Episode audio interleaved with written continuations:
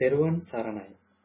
ඔබ මේ සවන් දීමට සූදානම් වන්නේ පූජ්‍යපාද අලව්වේ අනෝමදස්සී ස්වාමින් වහන්සේ සමග ශ්‍රාවක පිරිසක් පැවැත් වූ පෞද්ගලික සාකච්ඡාවක පටිගත කිරීමකටය. මෙය පෞද්ගලිකව පැවැත් වූ සාකච්ඡාවක් වුවද එහි සාකච්ඡා වන ධර්ම කරුණු ධර්මයේ සොයන බොහෝ දෙනාට ප්‍රයෝජනවත් වේ යන අදහසින් අන්තර්ජාලයට මුදා හැරෙන. එම නිසා මෙහි පටිගත කිරීමේ ගුණාත්මක භාවය ඇතුළු අනිකුත් නොවැදගත් කරුණු සඳහා අවධානය යොමු නොකර සූත්‍රයට හා විනයට ගලපා බලා ධර්ම කරුණු පමණක් උකහා ගැනීමට උත්සාහවත් වන ලෙස මෙත් සිතින් සිහිපත් කරමු. තෙරුවන් සරණයි. සාකච්ඡාව මූලික වශයෙන් විදේශනක සතර ආහාරය මුල් කරගෙන මේ වන්දකින් යම් කාමාරියක් දැනගන්න තමයි සලස් තුනේ. මුලින්ම සයනාස මේ සතර ආහාරය ගැන දැනට පවතින මත ගැන කතා කරොත් එක තැනකදී කියනවා මේ සතර ආහාරයේදී මේ කබලින්කාර ආහාරය කියන්නේ කනබුන ආහාරය කියලා. වාන්තික දේශනා ඇතුලේ අපිට ඒකට විරුද්ධ මතයක් ගන්න ලැබෙනවා. ඒ වගේම තව මතයක් තියෙනවා සමහරවිට මේ කබලින්කාර ආහාර ප්‍රත්‍යයෙන් පස් ආහාරය හදගන්නවා.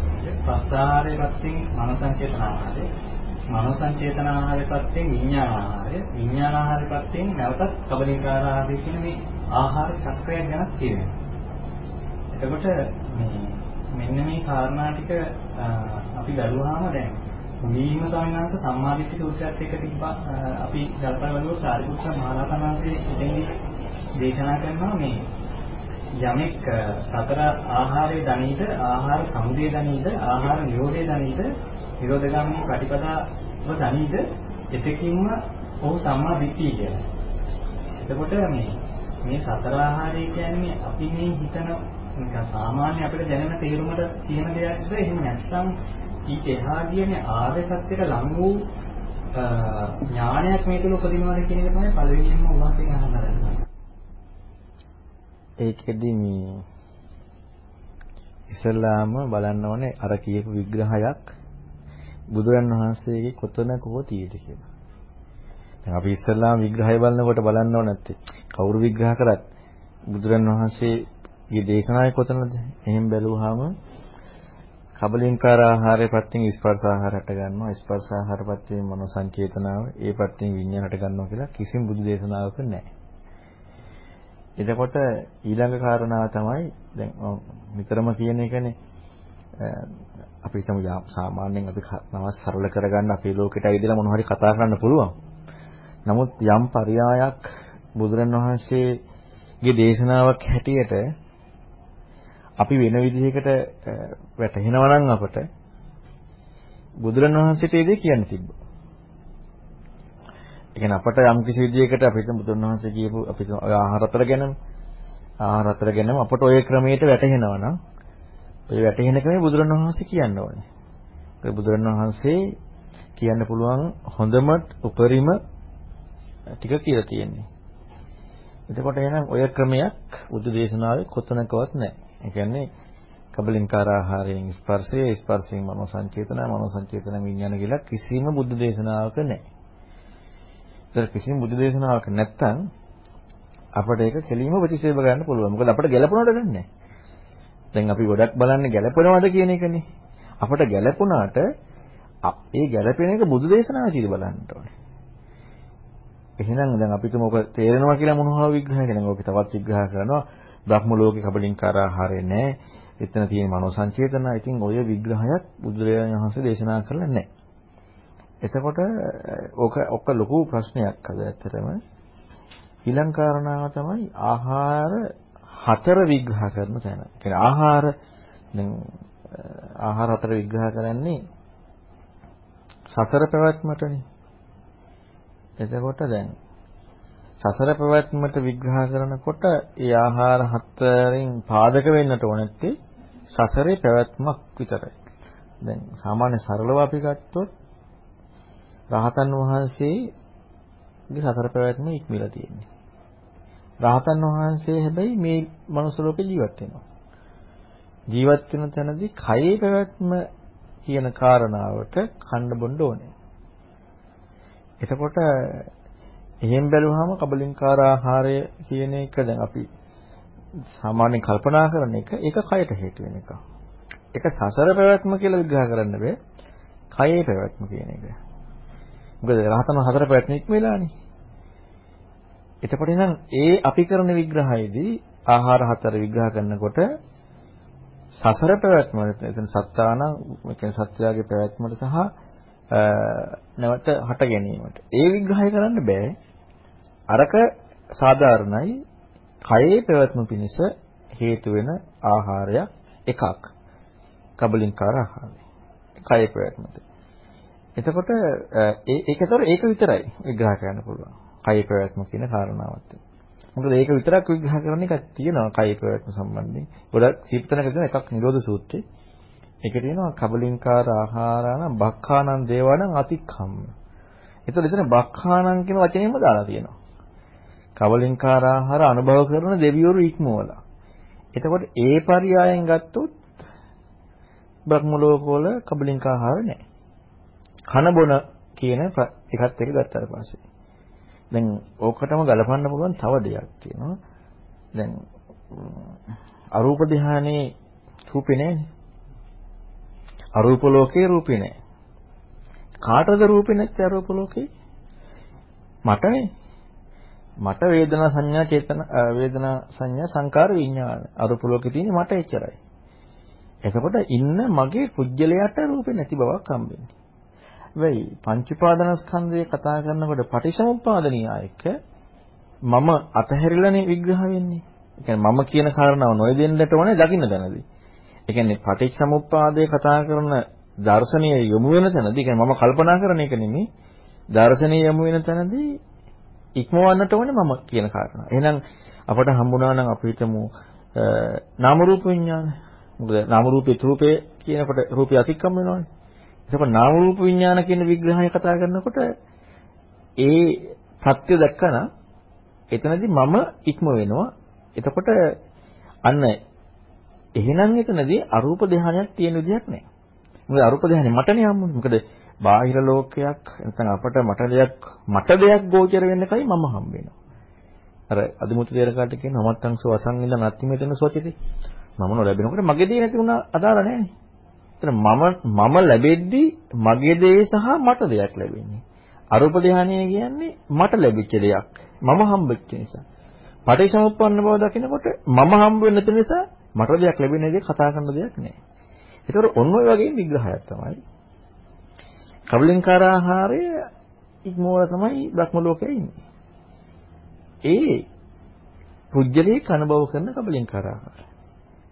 එතකොට එතනදි කතා කරන්න පුළුවන් ලෝකපරියායෙන් අපි හිතමු පස් ආහාරයේ මනෝ සංචේතන ආහාර විඥාන ආහාරයේ තියෙන්නේ කියලා ලෝකපරියායක් හැබැයි ඒක බුදුරන් වහන්සේ මේ හතර එකට කරලා නැහැ උනාට. ඒක අපි කියන එකනේ. දැන් අරූප ධානයේදී නම් විග්‍රහ කරනකොට විදර්ශනාවේදීම පැහැදිලි කරනවා රූපෙනතෝ විග්‍රහ කරන්නේ. මොකද රූපේ ගෝචර නැහැ. නමුත් අතන විග්‍රහ කරලා පෙන්වන්නේ නැහැ. නමුත් එතන විග්‍රහ කරනවා කබලින්කාරාහ අනුභවයේ ඉක්මෝප දෙවිවරු කියලා. එතකොට එහෙනම් කබලින් දැන් තව එකක්. කබලින්කාරාහ අනුභවයේ ඉක්මෝප දෙවිවරු කබලින්කාර විග්‍රහ කරන තැනදී ඕලාරිකං වා සුකුමං වා කියලා විග්‍රහ කරනවා. එතකොට එහෙනම් දැන් සාමාන්‍ය අනිත් විග්‍රහයක් තියෙනවා සුකුම දෙය තියෙනවා කියලා මෙහි ගොරෝසු දෙය තියෙනවා. කවලින්කාර ආහාරය. සියුම් දෙය. එතකොට ඒක දෙවිවරු විග්‍රහ කරනවා. දේවාලං අතික්කම්ම කියනකොට කොහොමද දෙවිවරු ඉක්මවන ඊළඟට මනෝ සංකේතනාව හිතේ ඉන්නේ කියනවා. එතකොට එහෙම විග්‍රහයක් බුදුරණවහන්සේ පෙන්වන්නේ නැහැ මනෝ සංචේතනාව එහෙ තියෙනවා. හැබැයි කබලින්කාර ආහාර අනුභවය ඉක්මවලා තියෙනවා. එතකොට මේ හැම එකක්ම විග්‍රහ කරලා පෙන්වන්නේ පුජ්‍යලයකගේ දිවි දැන් අපි දන්න මූලපරියාය සූත්‍රය ගත්තාම දිව්‍ය ලෝක, බ්‍රහ්ම ලෝක, මනුස්ස ලෝක, පඨවි ආපෝ තේජෝ මේ සියල්ලක්ම ඇති බව හම්බෙන්නේ පුතඥයට. මාමඤ්ඤී බව හම්බ වෙනවා සේකයට. එතකොට එහෙනම් අපි ගත්තොත් එහෙම කබලින්කාර ආහාර අනුභවයේ ඉක්මවා ඉන්න දෙවිවරු ඉන්නේ දිවි ලෝකේ. එතකොට මේ දිව්‍ය ලෝකේ නැත්නම් බ්‍රහ්ම ලෝකේ. ඒක හම්බුනේ කාටද? පෘථජ්ජනයට. කබලින්කාර ආහාරය අනුභව කරලා අනුභව ඉක්මවපු දිවරු ඉක්මවපු ගත්මයෝ ඇති බවක් නේ හම්බුනේ. එයාලගේ පැවැත්ම මොකද්ද? කබලින්කාර ආහාර ඉක්මවලා.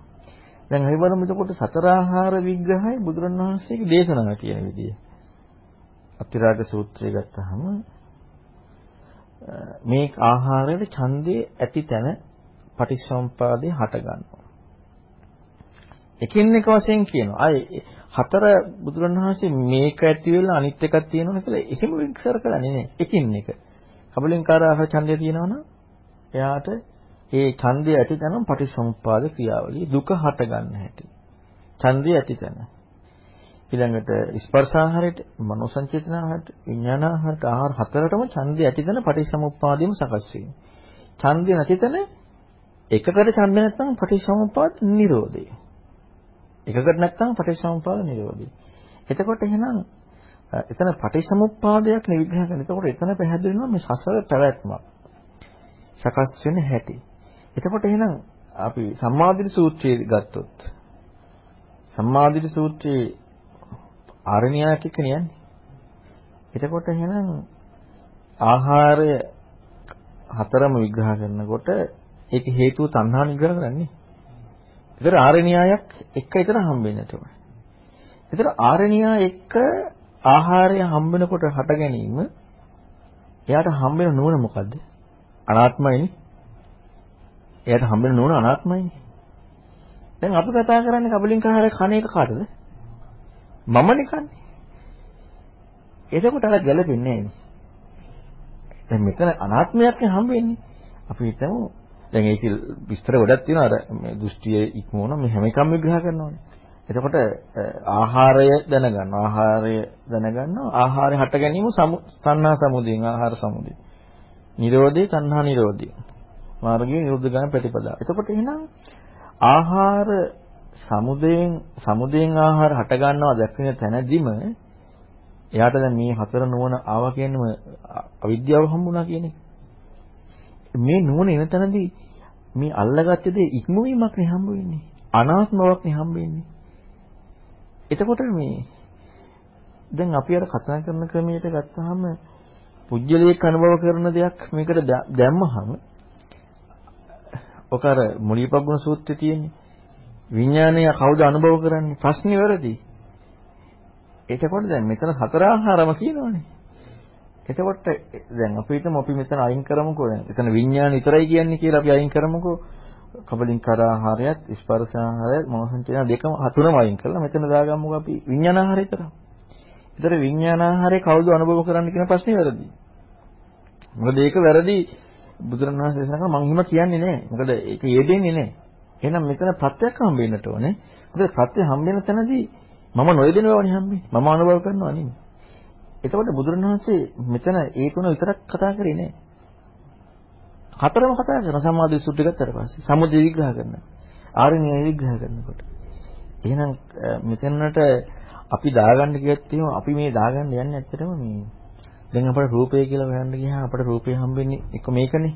නැත්තම් තියෙන එකනේ. ඒතර ඕකත් එක්කනේ දැන් පටලැවෙන්නේ අපි. ඊළඟට අපි ගත්තොත් අපි වේදනාවක් දැන් මට හම්බෙන්නේ වෙන්නේ. අපි දැන් මේකත් එක්කනේ පංචපාස්කන්ධ කඩාගෙන යන්නේ. පංචපාස්කන්ධේ වරද්දගත්තා වගේම තමයි මේ වරද්දගන්නේ. පංචපාස්කන්ධේ වරද්දගත්ත යම් විදිහකටද ඒ වරද්ද ගැනීමමයි මේ වරද්ද ගැනීම. මොකද දැන් අපට රූපේ හොඳට තේරෙනවනේ. අපට පංචවාස්කන්ධය කතා කරනකොට අපිට මේ ලෝකයේදී රූපය කියන එක මේක බෙදලා බලලා හරි මේ ටික හරි හොඳට තේරෙනවා. ඔය වරද්ද ගැනීම කබලින්කාර ආහාරය හොඳටම තේරෙනවා. ඒක තමයි සම්පූර්ණ වරද්ද ගැනීම.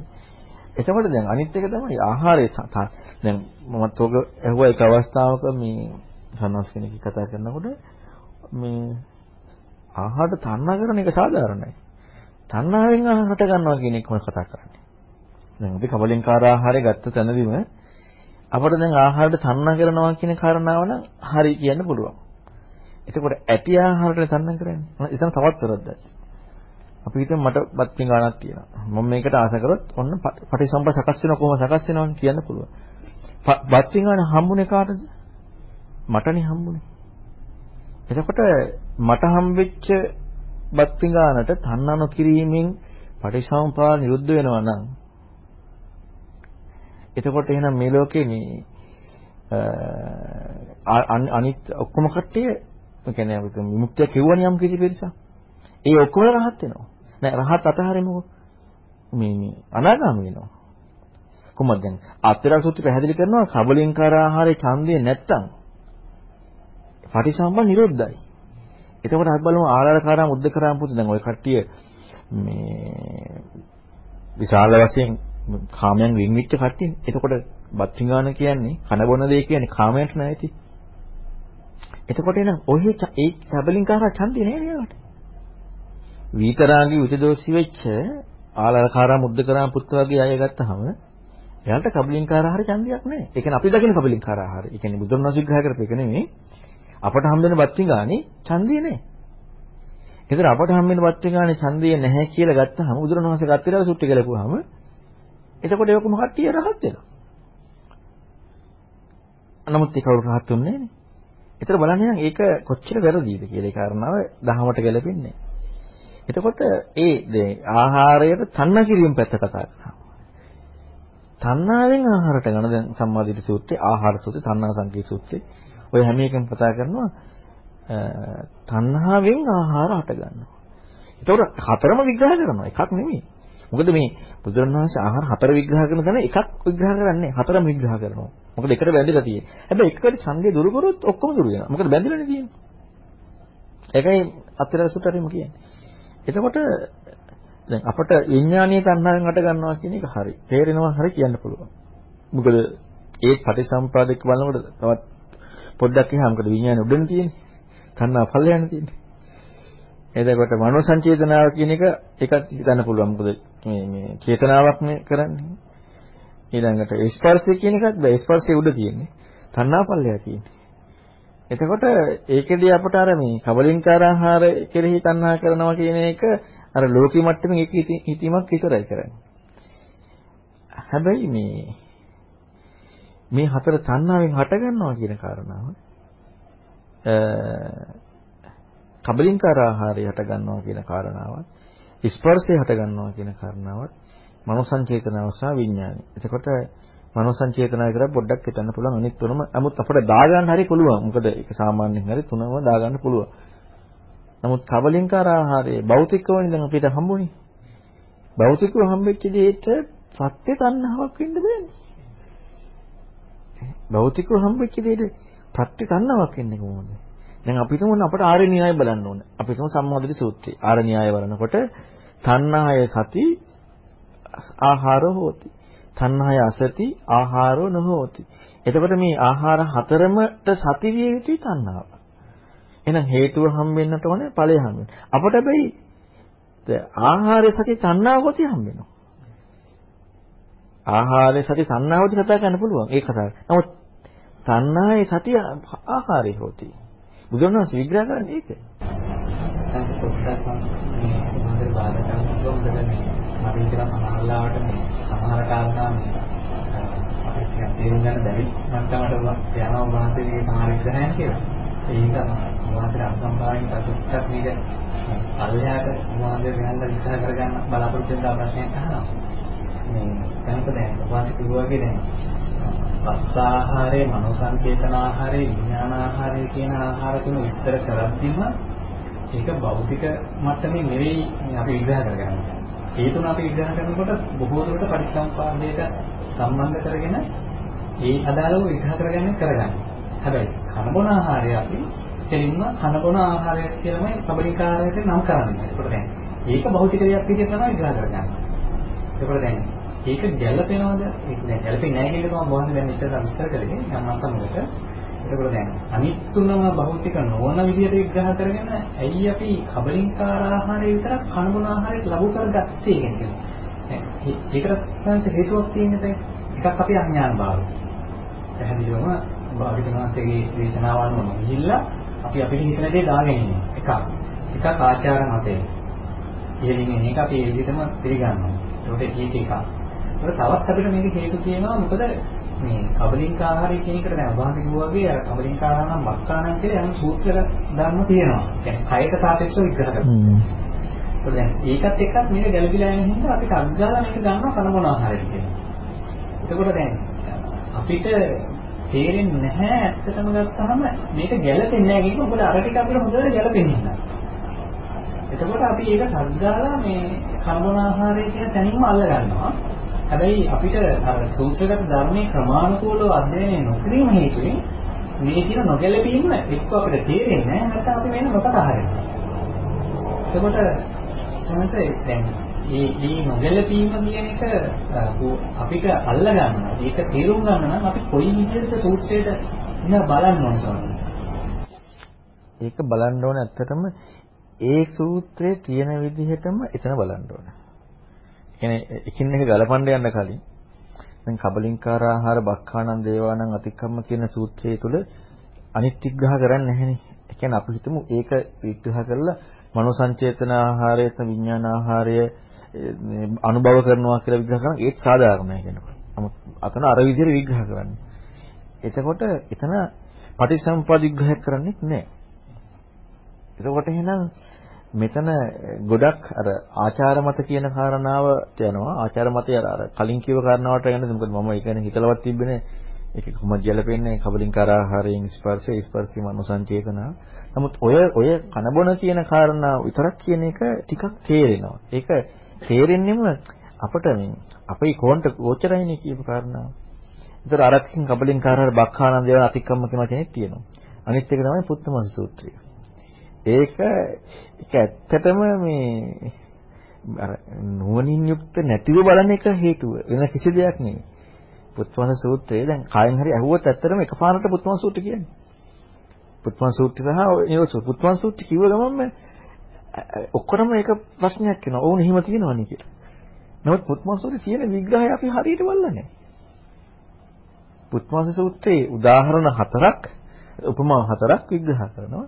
අනික උපමා හතරේ දැන් අපි ගත්තොත් කවලින්කාර ආහාරට විග්‍රහ කරන උපමාවේ අම්මායි තාත්තයි කංසාර යනකොට තමන්ගේ දරුවගේ මස් අනුභව කරමින් අකමැත්තෙන් අනුභව කරමින් ඒක ඊතර වෙනවා. ඒක කොහොමද අනුභව කරන්නේ? කවුද අම්මයි තාත්තයි? ඒක කන්නේ මදේ පිණිස නෙවෙයි, ජවයේ පිණිස නෙවෙයි, ක්‍රීඩාව පිණිස නෙවෙයි, අලංකාරයේ පිණිස නෙවෙයි, හුදෙක් ඒක ඊතර වීම පිණිසයි. දැන් ඔය වචනේත් අපේ මේ ආහාර ප්‍රත්‍යක්ෂාවේ තියෙනවා. ඔය ටිකත් ආහාර ප්‍රත්‍යක්ෂාවේ තියෙනවා. එතකොට තවත් තවත් ගැලපෙනවා. ආහාර ප්‍රත්‍යක්ෂාවෙත් එක තියෙනවා. එතකොට දැන් කන බොන එකක් ගැනමයි කියන්නේ. තවත් මේක ගැලපෙනවා. එතකොට දැන් ඒක ගලප ගන්නවා කෙලින්ම හරි ගැලපුණා කන බොන ආහාරයට. ඊට පස්සේ දැන් මේ බලන ක්‍රමී අඥානකමෙන් බලන ක්‍රමී දෙවෙනි උදාහරණේ තියෙනවා හම ස්පර්ශ ආහාරයට හැම ගහපු ගව දෙනක් වගේ බලන්න කියලා. දැන් පළවෙනි උදාහරණේ බලපු ක්‍රමයට බලන්න වෙනවා එහෙනම්. දැන් පළවෙනි උපමාවේ කිව්වේ අම්මා තාත්තයි අර කන විදියට ජවයේ පිණිස නොවන විදියට කන්න කියලා. ඒතකොට අපිත් ඕන ඒ විදියට කනවා. එතකොට අපිත් ජවයේ පිණිස මදේ පිණිස නෙවෙයි කන්නේ. අපි ඕන කබලින්කාර ආහාරය ඒ විදියට අනුභව කරනවා. ඒතකොට ස්පර්ශ ආහාරය ගැනත් හිතන්න කිව්වා. හැම ගහපු ගව දෙනා. එතකොට අපට එහෙනම් ඒකම ගන්නව නම් අපට හැම ගහ ගන්න නේද? ඒ දැන් මේ උපමාව ගලපගෙන නැහෙනේ. දැන් උපම අපි අපිට ඒක ඇහිච්ච ගමන්ම හිතෙන්නේ නැහැ නංගහම ගහගෙන යන්න. නමුත් පළවෙනි එක ඇහිච්ච ගමන් හිතනවා කන බොන එක ගැන. අර කැහිච්ච ගමන් ඇඟහම ගහ ගන්න හිතෙන්නේ නැහැ. ඒකින් ඒක ඒක අපිට අර එකපාරට තේරෙන්නේ නැති නිසා අපි දැන් කල්පනා කරනවා ඒක පිළිබඳව. එතකොට අපට එතනදී හම්බ වෙනවා මේ ස්පර්ශය ගැන කියන්නේ එහෙනම් කොහෙන්වත් ගැළවීමක් නැහැ නේ කියන එකයි කියලා ඒක කල්පනා කරගත්තා. නමුත් පළවෙනි එකේදී හිමක කල්පනා කරේ නැහැ. කන බොන එකක් තමයි. ඒක කන බොන එක නම් දෙවෙනි එකේ හැම ගහගෙන එකක් තියෙනවා. පළවෙනි එකේ තියෙන කන බොන එකක් නම් දෙවෙනි උදාහරණ තියෙන හැම ගහගන්න එක. හැම ගහගෙන අපට වතුරට පනින්න වෙනවා. ඇඟ එතකොට මොකද ගලපගත්තේ නැහැනේ. තුන්වෙනි එකේ තියෙනවා ගිනි අඟුරු වලකට දාන්න. එතකොට අපට ඒක බලන්න වෙන්නේ හතර දිනක් අල්ලන් ගිහලා අපිව දාන්න හදන්න ගිනි අඟුරු වලකට. ඊළඟ එකේ උල් 300 නැත්නම් අපට උල් 300 යන ගන්න වෙනවා. එදැන් මේ උදාහරණ හතර අපි දැන් එකම විදිහට බලන්න ගන්න තියෙන්නේ. හතර විදිහක් නෑනේ. එකම විදිහකට මේ ගලපන්න තියෙනවා. ඒකෙදි කබලින්කාර ආහාරය ගලපගත්ත කන බොන එකක් තියෙනවා. කන්න බොන එක කියන උදාහරණ කියන්නේ කන්න බොන්න. දෙවෙනි උදාහරණ කියන්නේ හැම ගහගන්න. තුන්වෙනි උදාහරණ කියන්නේ ගිනි වලකට පයින්න. හතරවෙනි උදාහරණ කියන්නේ උන් එනගන්න. එහෙනම් අපි අර කන බොන එක නම් දෙවෙනි උදාහරණයෙන් හැම ගහගන්න එනවා. තුන්වෙනි උදාහරණයෙන් ගිනි ගොඩකට පයින්න එනවා. හතරවෙනි උදාහරණයෙන් උන් වලින් ගණන් ගන්න එනවා. හැබැයි අපි දැන් බලන්න කොච්චර අඥානකමක්ද කියලා පළවෙනි එක එහෙම තියාගන්න. දැන් එහෙම එක තියාගන්නවා. දෙවෙනි එක හැම ගහගන්න එක කල්පනා කරනවා මේක හැම ගහගන්න නෙමෙයි තියෙන්නේ කොහින්වත් බේරෙන්න නැහැ කියලා. තුන්වෙනි එක ගලප ගන්නවා අකමැත්ත ප්‍රකාශ කරනවා ගිනි වලට දාන්න. ඒකයි මේ කියන්නේ. හතරවෙනි එකකින් කියනවා මේ ඉච්චර වේදනාවක් තියෙන කියලා. හැබැයි දැන් හැම ගහගන්න යන්නෙත් නැහැ, ගිනි කොට පනින්න යන්නෙත් නැහැ, උල්වලින් අරගන්න යන්නෙත් නැහැ. අතන කන එකට විතරක් යනවා. ඒක බලන්න කොච්චර නොගැලපීමක්ද. අපි දේශනාව කොහොමද බලලා තියෙන්නේ? එතකොට මෙන්න මේ උදාහරණ තුන වගේම ගැලපා ගැනීමක් එතන තියෙනවා. උපමාව කියලා එකක් තියෙනවා, උපමේය කියලා එකක් තියෙනවා. පළවෙනි එකේ උපමාවම ගත්තා. දෙවෙනි එකේ උපමාව උපමේයට ගැලපුවා. තුන්වෙනි එකේ උපමාව උපමේයට ගැලපුවා. හතරවෙනි එකේ උපමාව උපමේයට ගැලපුවා. පළවෙනි එක ගැලපෙන්නේ නැහැ. ඒ නිසා කනබුන එකක් කියලාම ආවා. මම ඒකට සමහර පොඩි විග්‍රහයක් දෙන්නම් සංක මේ සූත්‍රයේ දැක්වෙන විදිහට. කබලින්කාර ආහාරය ගැන විස්තර කරනවා හතංච වික්‍රේ කබලින්කාර ආහාරෝ දත්තබ්බෝ විශේෂ මහණනි කබලින්කාර ආහාරය දත යුත්තේ හ්ම්. එතන තමයි බලින්නාන්සේ මේක පටන් ගන්නවා ඊට පස්සේ තේජතාපික තමයි මේ කියන්නේ ඔව් කොයි වගේ කියලා ඊළඟට විග්‍රහයේදී වේජායම් ප්‍රතිකෝ කියලා මේ විග්‍රහය. ඔව්. මේ අම්මට අතරින් නම් කියලා මේ විග්‍රහය දෙනවා ඒක ඉවරනකොට නනුකිය වික්‍රේ යාවදේව කාන්තාරස්ස නිස්සරණත්තාය ආහාරං ආහාර යෙමුති හ්ම් කාන්තාරේ ඊතර වීම පිණිසම තමයි ආහාර ගන්න. ඒවම් බන්ති එහෙම මහණෙනි මේ ඒවම් ඒවම් බන්ති කියලා සම්මතර උත්තර දෙනවා. ඒවම් මේව පාහන් වික්‍රේ කබලින්කාර ආහාරෝ දත්තබ්බෝ වදන්. ඔව්. අන්න එසේ කබලින්කාරය දත යුතුයි. දැන් උතන බුදුරණවහන්සේට අඩුම දාන්න තිබ්බා. ඔන්න ඔය විදිහට නුඹලත් ආහාර ගනිමු කියලා. ඔව් අනිත් පැත්තට විස්තර කරනවා නම් බුදුරණවහන්සේට දාන්න තිබ්බා ඔන්න ඔය විදිහට නුඹලත් ආහාර ගනිමු කියලා. දැන් බුදුරණාහි දැන් ඒක විග්‍රහ කරනවනේ අපිට පින්ඩපාතේ දානේ වළඳන්න කියන විග්‍රහයක් දෙනවනේ. එහෙනම් නුඹලත් ඔන්න ඔය විදිහටම ආහාරය ගනිමු කියලා ඔතන ගලපන්න තිබ්බා. එතකොට නුඹලටත් ඒ නවදවයේ පිණිස නෙවෙයි මදේ පිණිස නෙවෙයි සසරින් එතර වීම පිණිසයි. ඒතකොට කාන්තාරයෙන් එතර වෙන්නේ සසරින් එතර වීම පිණිසයි. උඹලා මේ ආහාරය ගන්නෙ. ওই විදිහට ගන්න. ඔය දැන් ආහාර හතර පැත්තකින් වගේම නේද සංකේ දැන් අපි අපි දැන් ආහාර හතර ගත්තොත් අපි තනියෙන් තියෙන දෙයකට තේරුම් ගන්න යනවා. දැන් ඔය දෙයම නේද දැන් පරිසම්පාදේ තේරුම් ගන්න කියන්නේ ජරා මරණ තනියෙන් ගන්න තේරුම් ගන්න. ඊට පස්සේ අපි ත්‍රිලක්ෂණය ගත්තත් අනිත්‍ය දුක්ඛ අනාත්ම කියන එක වෙන වෙනම අරගෙන දැන් අපි සක්කාය දිට්ඨිය යුක්තව තේරුම් ගන්නවා මේ කාර්යය. හැබැයි මේ හැම එකම ප්‍රත්‍යෝපන්න සත්‍ය ප්‍රත්‍යෝපන්නව දැකගත යුතු එකක් කියන්නේ ආරණ්‍යයට අමු දැකගත යුතු වෙන නිසා නේද ඒ විදිහට නොදක ප්‍රඥාවෙන් නොදක අපි පුද්ගලයෙක් කියන සක්කාය දිට්ඨියෙන් දකින්න නිසා මේ ප්‍රශ්නේ තියෙන්නේ. ඔව්. දැන් අපි හිතමු පංච පාස්කන්ධයේ රූපේ තේරුම් ගන්නකොට අපි දැන් පුද්ගලයෙක් කියනවා මේ තේරුම් ගන්න. ඒතකොට පුද්ගලයෙක් කියන තේරුම් ගන්න කාරණාවේ රූපේ අරූපේ බව තමයි අරූප ලෝකේ. එතකොට ඒක පුද්ගලයෙක් නම්මුනේ. සංඤ්ඤා අසංඤ්ඤ බව තමයි අසංඤ්ඤ ලෝකේ. ඒ වගේම පුද්ගලයා හිතාගන්න හිත පුද්ගලයෙක් හම්බෙච්ච දා තමයි කබලින්කර ආහාරය කියන එක දැන් අපි ගන්නවා බක්කාන අනුභව කරනවා දිවුර අනුභව කරන්නේ නැහැ. නමුත් බුදුරණවහන්සේ දැන් ඔක පටිච්චසමුප්ප දැන් හතර කබලින්කාර හතර විග්‍රහ කරන හැමතැනම බලන්න පටිච්චසමුප්පාදෙන්ද කතා කරන්නේ. කබලින්කාර හතර විග්‍රහ කරන හැමතැනම කතා කරන්නේ පටිච්චසමුප්පාදේ. හතර ආහාර හතරම විග්‍රහ කරනවා. කබලින්කාර ආහාරයක් වෙනම කතා කරනවා. මොකද දැන් ඒක සාමාන්‍යයෙන් ලෝකේ දැන් අපි කතා කරන කතා කරන්න වෙනවනේ. එනයි කතා කරනවා. නමුත් අතන ආහාර හතරම විග්‍රහ කරන තැනදී ඒ අනුභව කරන හැම කතා කරන්නේ නේ. අනිත් එක එතන සත්‍යයේ ප්‍රයත්න අපිට කයේ ප්‍රයත්නක් ගැන කතා කරන්නේ. ඉතින් ඕන ඔය ප්‍රශ්න නිසා තමයි මේ අපි දැන් ඇත්තටම දේශනාවක් බලනකොට මේ විශ්ලේෂණාත්මකව බුදුරණවහන්සේ කියපු විදිහට මේ බලන්න යන හැටි ප්‍රශ්නේ තමයි තියෙන්නේ. ගොඩාක් කියන්නේ මේ කියන්නේ પરම්පරාවෙන් ආව කාරණාව සහ අපට ගැළපෙන කාරණාවත් එක්ක මොකද ඒක ස්වභාවයක්. අපි හරියට දේශනාව අධ්‍යයනය කරන්නේ නැත්නම් ස්වභාවයක් තමයි අපි අපිට ගැළපෙන දෙයට අපි රිංග ගන්නවා. ඒකනේ බුදුන් වහන්සේ අර ද්වේතනපතා සූත්‍රය කියන්නේ අනත්තනිය අත්තමානින් පස්ස ලෝකයන් සදුවේක නිවිත නාම රූප නිදසටනේ මඤ්ඤති කිය. එතකොට අනාත්ම දේ ආත්ම වශයෙන් අරන් ලෝකය නාම රූප වශයෙන් මේ ඇත්ත කියලා හිතනවා. ඉතින් ඕකනේ කරන්නේ. දැන් පටිච්චසමුප්පාද දැක්කේ නෑ. ආත්ම වශයෙන් හම්බුණා.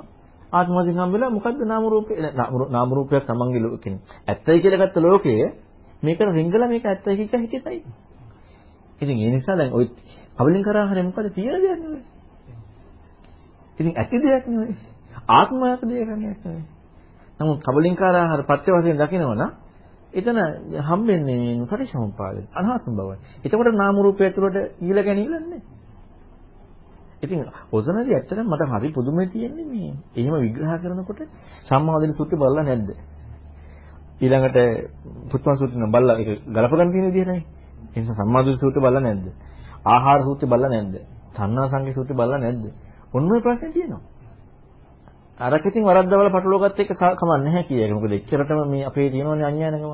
ඒ නිසා අපි මේ පුත්මන් සූත්‍රය වරද්දවල ගත්තා. අරවත් එක්ක. නමුත් ඒ තේරුම් ගත්තදී ඒ තේරුම් ගත කාරණාව කොහොමද ගැලපෙන්නේ සම්මාදිරි සූත්‍රයට? කොහොමද ගැලපෙන්නේ මහතන්නා සංකේ සූත්‍රයට? කොහොමද ගැලපෙන්නේ ආහාර සූත්‍රයට? ඊළඟට එහෙනම් එහෙනම් මොකද්ද කියලා අහනවා. එතකොට දැන් මොකද්ද කියලා එහෙනම් පංචකාමයෙන් අවබෝධ වෙනවා කියනවා. නමුත් චන්දරාග දුන්නොත් rahat වෙනවා කියනවා. මොකද්ද කියලා දෙන්න පුළුවන් නම් තමන්ගේ රාමුවත් එක්ක ඉතින් තමන්ගේ රාමුවත් එක්ක අපිට මොනවා හෝ දෙයක් කියන්නේ අපේ ලෝකෙට ගෝචර වෙන දෙයක නේ අපිට යන්න තියෙන්නේ හැම වෙලෙම. එහෙනම් අපිට කවලින්කාර මොකද්ද කියලා මොකක්ද දෙන්න තියෙන්නේ? තණ්හාවත්ෙන් හටගන්න දෙයක්. කබලින්කාර ආහාරය තණ්හාවත්ෙන් හටගන්න දෙයක්. එහෙනම් කබලින්කාර ආහාරය කියන කාරණාව හොයාගන්න තණ්හාව හේතු හොයාගන්න වෙනවා. ස්පර්ශ ආහාරය හොයාගන්න තණ්හා හේතු හොයාගන්න වෙනවා. ඒ හේතු හොයාගන්න නැතුව අපිට කබලින්කාර ආහාරය කියන කාරණා හොයාගන්න බෑ. ඊළඟට ඒකේ ගොරෝසු වියුම් දැන් අපිට අර කරුණු ගොඩක් හම් වෙනවා මේ අර අර පැත්තට යන්න. ගොරෝසු කියනකොට ඔන්න අපි දැන් කන බොන එක. සියුම් කියනකොට දෙවුරු කන බොන එක. ඒකෝට ඔය දෙක ලස්සන අනක අතන ඉක්මෝලා කියන කාරණාව. ඒකෝට ඔය ඕවත් එක්ක මේ ලස්සනට ගැලපෙලා යනවා. ඉතින් ඒ නිසා තමයි මේ දෘෂ්ටියට ගොඩක් වෙලා කියන්නේ. ඒක දැන් මොකද කියවෙකට සම්මාදිට සූත්‍රයේ විතරක් දැක්සනද ඒකේ ඒ ආහාරය අවබෝධ වෙන්න නම් ආරෂ්ඨාංග මාර්ගයෙන් දේශනා කරනවා. බෑ තේරෙලා නැහැ කියන එක. ඒකත් ඇත්ත. ආස්ථායන මේ නිරෝධගාමී සංකතව ආරෂ්ඨාංග මාර්ගය. ඔව්. ආරෂ්ඨාංග මාර්ගයෙන් ඒ සම්මාදිටේට. ඔව්. සම්මාදිටට ආවට පස්සේ තමයි යාර මේක සත්‍ය ඥානයකදී එන්නේ. එහෙනම් තමයි දැන් මේ පිළිස වෙන්නේ ආය ප්‍රශ්නයක් අහන සංස දැන් ආහාරය දහිත ආහාර සම්ප්‍රේදණිත ආහාර නිරෝධය දහිත නිරෝධගාමී පරිපදා දහිත කියන එක අපිට මේ ආර්ය සත්‍ය හතරටම ගලපන්න පුළුවන් නේද සමහර සම්මාදිට කමිනවා කියන තැන. ඒකට ආහාරය දහිත කොහොම දුක්ඛ ආර්ය සත්‍ය කියන්නේ දුක්ඛ දන්නවා. ඔව්. ආ සමුදය කියන්නේ දුක්ඛ සමුදය දන්නවා. නිරෝධය කියන්නේ නිරෝධ ආර්ය සත්‍ය. නිරෝධය දන්නවා. මාර්ගය කියන්නේ අරසන් මාර්ගය. දන්නවා කියන්නේ. එහෙනම් සත්‍ය ඥානය කියන්නේ ඒක සම්මාදිට කමිලා නම් මේ ආර සත්‍ය හතර කියන්නේ. ඔව්. එහෙමනම් කවිනාක මේ සතර ආහාරය ගැන අපි දන්නවා කියලා. අපි මේ කර්මන ආහාරය, මනසංජේතන ආහාරය, විඥාන ආහාරය කියලා අපි දන්න ටිකයි. ඒකේ ඇත්තටම මේකේ අදහසයි දෙක අතර කොයිතරම් වෙනසක් තියෙනවද? එතකොට ඇත්තටම මෙතන සම්පූර්ණයෙන් ආර සත්‍ය දැන් අපි හිතමු කබලින් කර අතහරලා ආර සත්‍ය හතර ගැන විග්‍රහ ගත්තොත් දුක්ඛ සත්‍යයයි කියලා හම්බ වෙන සමුදය සත්‍යත් එක්කනේ. නිරෝධ සත්‍යය මග සත්‍ය හතරම එක හම්බ වෙන්නේ. ওই සත්‍ය හම්බ වෙන සෝතපන්න කෙනාට හැරෙන්න කාටවත් හම්බ වෙන්නේ නැහැ. ඕක දැන් සම්මාදිට සූත්‍රෙත් ගලපුවාම ආහාර හතරේ කබලින්කාර ආහාරය කියන කාරණාව මේක කබලින්කාර ආහාරයයි කියන එක හම්බ වෙන්නේ. මේ කබලින්කාර තණ්හාවෙන් හට ගන්නවා කියන එක හම්බ වෙන්නේ. මේක නිරුද්ධ වන තණ්හා නිරුද්ධ වීමේ මාර්ග ආරෂ්ඨාංග මාර්ග හම්බෙන්නේ කවුද දෙනවා? සෝතපන්න කෙනාට. නමුත් දැන් අපට අරක ඇහුව ගමන් අපිට තේරෙනවා. ඉතින් ඒක ඒක නිසා තමයි ධර්මයේට ඒකයි මේ යෝනිසෝ මනසිකාරය කියන එක ඒක බලෙන් දෙන්න බෑ. ඒකට මේ ධර්මය බලන්නට ඕනේ, ධර්මය අහන්නට ඕනේ, යෝනිසෝ මනසිකාරය උත්පාදයකට. අපි ධර්මයේ බලන්නේ හැම වෙලෙම සක්කාදිට්ඨිය වඩා ගන්නනේ. ඒ කියන්නේ අපි හැම වෙලෙම ධර්මයට යන්න කැමතිම මම තේරුම් ගත්තා කියලා මම සක්කාදිට්ඨිය වර්ධනය කරගන්න කියන්නේ. ඒ කියන්නේ මට මේක ගැලපෙනවා කියන සක්කාදිට්ඨිය වර්ධනය කරගන්න කියන්නේ. අපිට අපි යන්නේ නැහැ දේශනාව අහනකොට මේකෙන් මට යෝනිසෝ මනසිකාර උත්පාදයක් කරගන්න ඕන දෙයක් තියෙනවා කියලා. එතනදී සම්මාදිටියට යන්නේ. එතනදී හම්බෙන්නේ මට මගේ රාමුවට ගැලපුණා කියන එක නෙවෙයි මගේ රාමුව මම මෙච්චර කාලයක් හිතාගත්ත රාමුව වැරදි. කියන්නේ මගේ මගේ රාමුවක් හරි කියලා එන්නේ මම හම්බුනාම නේ. ඉතින් මම හම්බ වෙන්නේ නැති බව හම්බුනකොට මගේ රාමුවක් අදාළ වෙන්නේ නැහැ. එතකොට ඒ දර්ශනයකට යන්නට ඕනේ. එතකොට ඒ ඒ දර්ශනයකට මේ කපලින් කරාරේ හම්බෙන්නේ. වෙන දෙයක් නෙමෙයි. එහෙනම් සෝතාපන්න කෙනෙක් හැර කපලින් කරාරේ සත්‍ය වශයෙන් තේරුම් ගන්න කොහොමද? අනික් කෙනෙක් තේරුම් ගත්තා නම් ඒකෙන් බත්මවල ටික තමයි. වෙනද තේරුම් ගන්න දෙයක් නෑ. අර හතර ආහාරයක ප්‍රශ්නයක් එනවා. එතන විග්‍රහ කරගන්න ඕනේ මේ පුජ්‍යලේ කන මොන තනිය තනියෙන් කතා කරන ආහාරේ. නමුත් හතර ආහාර එක කතා කරනකොට පටිසම්පාද එක්ක මේක කතා කරනකොට වරදිනවා. ඒක කතා කරා නම් කමන්නේ නිරෝධ සූත්‍රයත් එක්ක පුජ්‍යලයේ පැවැත්මක් පිළිබඳව කබලින්කාහාරය බක්ඛානම් කියන පුජ්‍යලයේ අනුභව කරනවා කියන කාරණාව එක්ක. සමහර මේ මහා ධර්මසංකේ සූත්‍රයේ ආහාර සූත්‍රය දෙක ගලපලා බලනවා දැන් භාගතුන් වහන්සේ ආහාරය කියන සතර ආහාරය විග්‍රහ කළා ඊට පස්සේ සතර ආහාර තණ්හා සමුදයෙන් කියලා හට ගන්නවට විග්‍රහ කළා තණ්හාව වේදනාව නිසා මේ විදිහට ආපස්සට ආපස්සට පරිසම්පාද වෙනවා විද්‍යාව දක්වා. ඇවිල්ලා ඊට පස්සේ භාගතුන් වහන්සේ ඊළඟ විග්‍රහ කරනවා අවිද්‍ය නැසේ අවිද්‍යාව නිසා සංස්කාර සංස්කාර නිසා විඥාන විඥාන නාම රූප පස්ස සලආයතන වේදනා තණ්හා උපාදාන භව ජාති ජරා මරණ. ආහාර කතා ඊළඟට කියන්නේ. ඊළඟට ආහාරය නැහැ ස්වාමීන් වහන්සේ. ඊළඟ විග්‍රහය. මම පටන් ගත්තේ ආහාරෙන්නේ. එතකොට නම් දෙකක් නෙමෙයි විග්‍රහ කරන්නේ. බුදුරණවහන්සේ කවදාවත් විග්‍රහ කරන්නේ දැන් බුදුරණවහන්සේ කතා කරගෙන අහලා අහලා අහගෙන ප්‍රශ්නේ ආයේ රිපීට් කරනට ඊළඟට විග්‍රහ කරනකොට වෙන එකක් නෙමෙයි කියන්නේ. ඒකමනේ කියන්නේ. එහෙනම් ওই පටිච්චසමුප්පාදෙම කියලා තියෙන්නේ. වෙන දෙයක් නෙමෙයි. ඒක එහෙම තියෙනවා තමයි. ඒක එහෙම දිනවා ආහාරට තණ්හා, තණ්හාට හේතුව මේ මේ ස්පර්ශය, ස්පර්ශ හේතු වේදනාව මෙහෙම විග්‍රහ කරලා කරගෙන ගිහිල්ලා මේසේ අවිද්‍යාව හේතුයෙන් සංකාර, සංකාර හේතු විඥාන, නාම රූප, සලආයතන, පස්ස වේදනා, තණ්හා, උපාදාන, භවජා ජරා මරණ කියලා කියන්නේ. ආයක ආහාර කතාවක් කියන්නේ. එතකොට නම් ඒ ඒකම විග්‍රහ කරපු ආහාර විග්‍රහය මේ පටිසම්පාදිත එකෙන් කරලා තියෙන්නේ. ඒකෝට කොහොමද පුද්ගලයේ කලවුනක. එතකොට නම් මෙතන දැන් දැන් එහෙම දැම්මොත් එහෙම අවිද්‍යාව නිසායි අපට මේ කණ්ඩ කන මොන දේ හම්බෙලා තියෙන්නේ. එතකොට ඒ කන මොන දේ හම්බ වෙන්න අපට අවිද්‍යාව ඕනේ. විඥානේ සංඛාරය ඕනේ. නාම රූපය ඕනේ. ස්පර්ශය ඕනේ. සලආයතන ඕනේ. තණ්හා උපාදාන මේ ඔක්කොම ඕනනේ. එතකොට එහෙනම් දැන් අපි මේ අපි හිතමු තේකක් කියලා තේකට සීනි අවශ්‍ය නැහැ. තේකට වතුර අවශ්‍ය නැහැ. තේකට තේකොළ අවශ්‍යත් නැහැ. ඒකට අවශ්‍ය අවිද්‍යාවයි තණ්හා උපාදානය.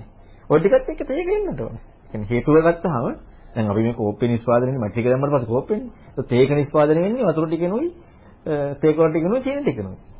දැන් අපි කතා කරන විදිහට තේක හැදෙන්න ඕනේ අවිද්‍යාවෙනුයි තණ්හාවෙනුයි උපාදානෙනුයි. නමුත් ඒකට බලන්න කොච්චර මේ අවුලක් තියෙනවද? ඒ කියන්නේ මේ ඒක ඒකට හේතුව මේ ධර්මයේ විවෘත මනසකින් ඒ කියන්නේ කියන්නේ මොකද්ද කියලා අහන්න නැතුව මට තේරෙන දේ ගන්න කැමතියි. ඒ කියන්නේ ඉච්චරට මේ සක්කාය දිට්ඨිය වර්ධනය කරගන්න ප්‍රයත්නකටම අපි උමිලා ඉන්නේ. සක්කාය දිට්ඨිය කැඩෙන්නේ. අපි කැමති හැම වෙලේම මට ලකුණක් වැටෙනවාට. අපි හැම වෙලේම කැමති මට ලකුණක් කරලා මට තේරෙන බව හම්බෙන්න ඕම සතුටු වෙනවාට. දැන් මට තේරෙනවා කියලා සතුටු වෙනවාට. ඒකට අපි ධර්මයේ හැම වෙලේම අහනවා. එතකොට ගැලපෙනවා. ඒ නිසා තමයි මේ කබලින්කාර ආහාරය ඒ විදිහට තේරුම් ගන්න යමුයි. කබලින්කාර ආහාරේ චන්දරාගය දුරනවා කියන ඔය න්‍යායයට ගලපගෙන ඉන්නවා. ඒ කියන්නේ ඒකට ඇතිවිච්ච ඒකට චන්දරාගය වගේ නේද හිතෙන්නේ මට. නෑ එතකොට මෙහෙම වුණේ දැන් කොහොමවත් ඇති වෙනවනේ. දැන් අපි හිතමු දැන් ආහාර ටික අතහැරමුකෝ පටිසම්පාදයට එක්කම ගත්තාම දැන් ඔන්න රහත් නොවිච්ච කෙනෙක්. අපි තුන් සෝතාපන්න කෙනාට මේක හම්බෙන්නේ. රහත් නොවිච්ච කෙනෙක් සෝතාපන්න වෙච්ච කෙනෙකුට මම හිතුවා මට ෆෝන් එක හම්බුණා කියලා. දැන් එතකොට දැන් අපි ලෝකයේ පැත්තෙන් බැලුවොත් ෆෝන් එක හම්බුනේ කොහොමද? මේ ෆෝන් එකේ අමුද්‍රව්‍ය ටිකකින්. නමුත් හේතුඵල න්‍යායත් එක්ක මේ ෆෝන් එක හම්බුනේ කොහොමද? අවිද්‍යාව සංකාර විඥාන නාම රූප සලආයතන පස්ස වේදනා ඒ පැත්තෙන් නේද ෆෝන් එක හම්බුනේ. එතකොට මේ ෆෝන් එක කියන කාරණා ගොඩනගුණ ප්‍රත්‍ය අපි හොයාගෙන ගියොත් අවිද්‍යාව සංකාර විඥාන නාම රූප සලආයතන පස්ස ස්පර්ශයක් එක්කනේ හම්බුනේ ෆෝන් එක. එතකොට දැන් අපිටම ඔය න්‍යාය දැකපු කෙනෙකුට ෆෝන් එකට ආස කරනවද නැද්ද? ඒත් ආස කරනවනේ ඒ කියන්නේ අපි හිතමු සෝතපන්න වෙච්ච කෙනෙක් රහත් වෙලා නැහැ අනාගාමීලත් නැහැ. එතකොට යා මේ ෆෝන් එකට ආස කරනවනේ. ෆෝන් එකට ආස කිරීම නිසා ආයේ මොකද වෙන්නේ? ඒ ආසාව නිසාම පැවැත්ම ආයෙ තියෙනවා. ඒ ෆෝන් එකට ආස කරනවා. එතකොට මේ ෆෝන් එක මගේ මට ඕනේ. දැන් මේක මට කෝල් ගන්න තියෙන කියලා මේකට ආසාව. අපි හිතමු ධ්‍යානයක් වඩනවා කියලා. එතකොට ධ්‍යානය කියන අපි හිතමු රූප රූපාවචර ධ්‍යානය. මේ ධ්‍යානය කියන්නේ මොකද්ද? ඒත් අවිද්‍යාවපත්යෙන් හටගත්ත මනෝ සම්පස්යෙන් හටගත්ත දෙයක්. අපි මේ ධ්‍යානට ආස කරනවානේ. ඒකම ධ්‍යානයත් එක්ක ඉන්නේ අපි. ධ්‍යානට ආස කරනවා. ඒකයි ධ්‍යානයත් එක්ක ඉන්නේ. ඒ වගේම තමයි මේ ආහාර හතරම හට ගන්නෝ ඒ පැත්තෙන්. ඒකට ආස කරනවා. ඒ නිසා ඒකත් එක්ක ඉන්නවා. එතකොට ඒ පැවැත්ම සම්පූර්ණයෙන් තියෙන්නේ ඒකට ආසා කිරිල්ල නැත්තම් මේක මේ පැවැත්මක් හැටියට තියෙන්නේ ඒකයි මේක ගැලවෙන්න බැරි. අපි ගොඩනගාගත්ත ලෝකෙටම දැන් ඇත්තටම අපි හිතමු මට මේක මට මට ඉස්සෙල්ලාම පේන්න දෙයක් හම්බ වෙනවා. පේන්න දෙයක් හම්බෙච්ච තැනදීම මට හම්බ වෙනවා මට යමක් පේන්න තිබ්බා කියලා.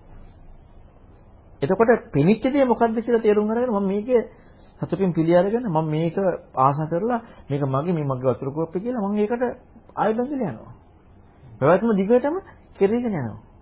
මෙන්න මේ වගේ දෙයක් තමයි මේ ආහාර හතරම විග්‍රහ කරනකොට ඒ ආහාර හතරෙන් සත්‍යයක් වෙනවා තණ්හාව. ඒ වගේම තණ්හාවන් ආහාර හතර තණ්හා කිරීමෙනුත් පටිසමුපාදයෙන් සකස් වෙනවා. ඒකට හරියට ජරා මරණය පටන් ගන්න අපිට ඉන්නකම අපිට හම්බෙච්ච දේ ඉන්නකම ගියම අපිට හම්බෙන්නේ පටිසමුපාද න්‍යාය. හැබැයි අපි ජරා මරණය අපිට දැන් හම්බෙච්ච දේ දැන් අපිට මේ ලෝකේ හම්බෙච්ච දැන් සතුටු වෙන පිළියරන් අපි ඒක පවත්වගෙන යනවනේ. ඒකම තමයි මේ.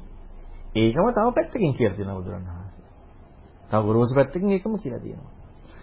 දැන් බුදුරණවහන්සේ පෙන්වපු මේ න්‍යාය 10ක් නෑනේ. හැබැයි පැති කීපයක්.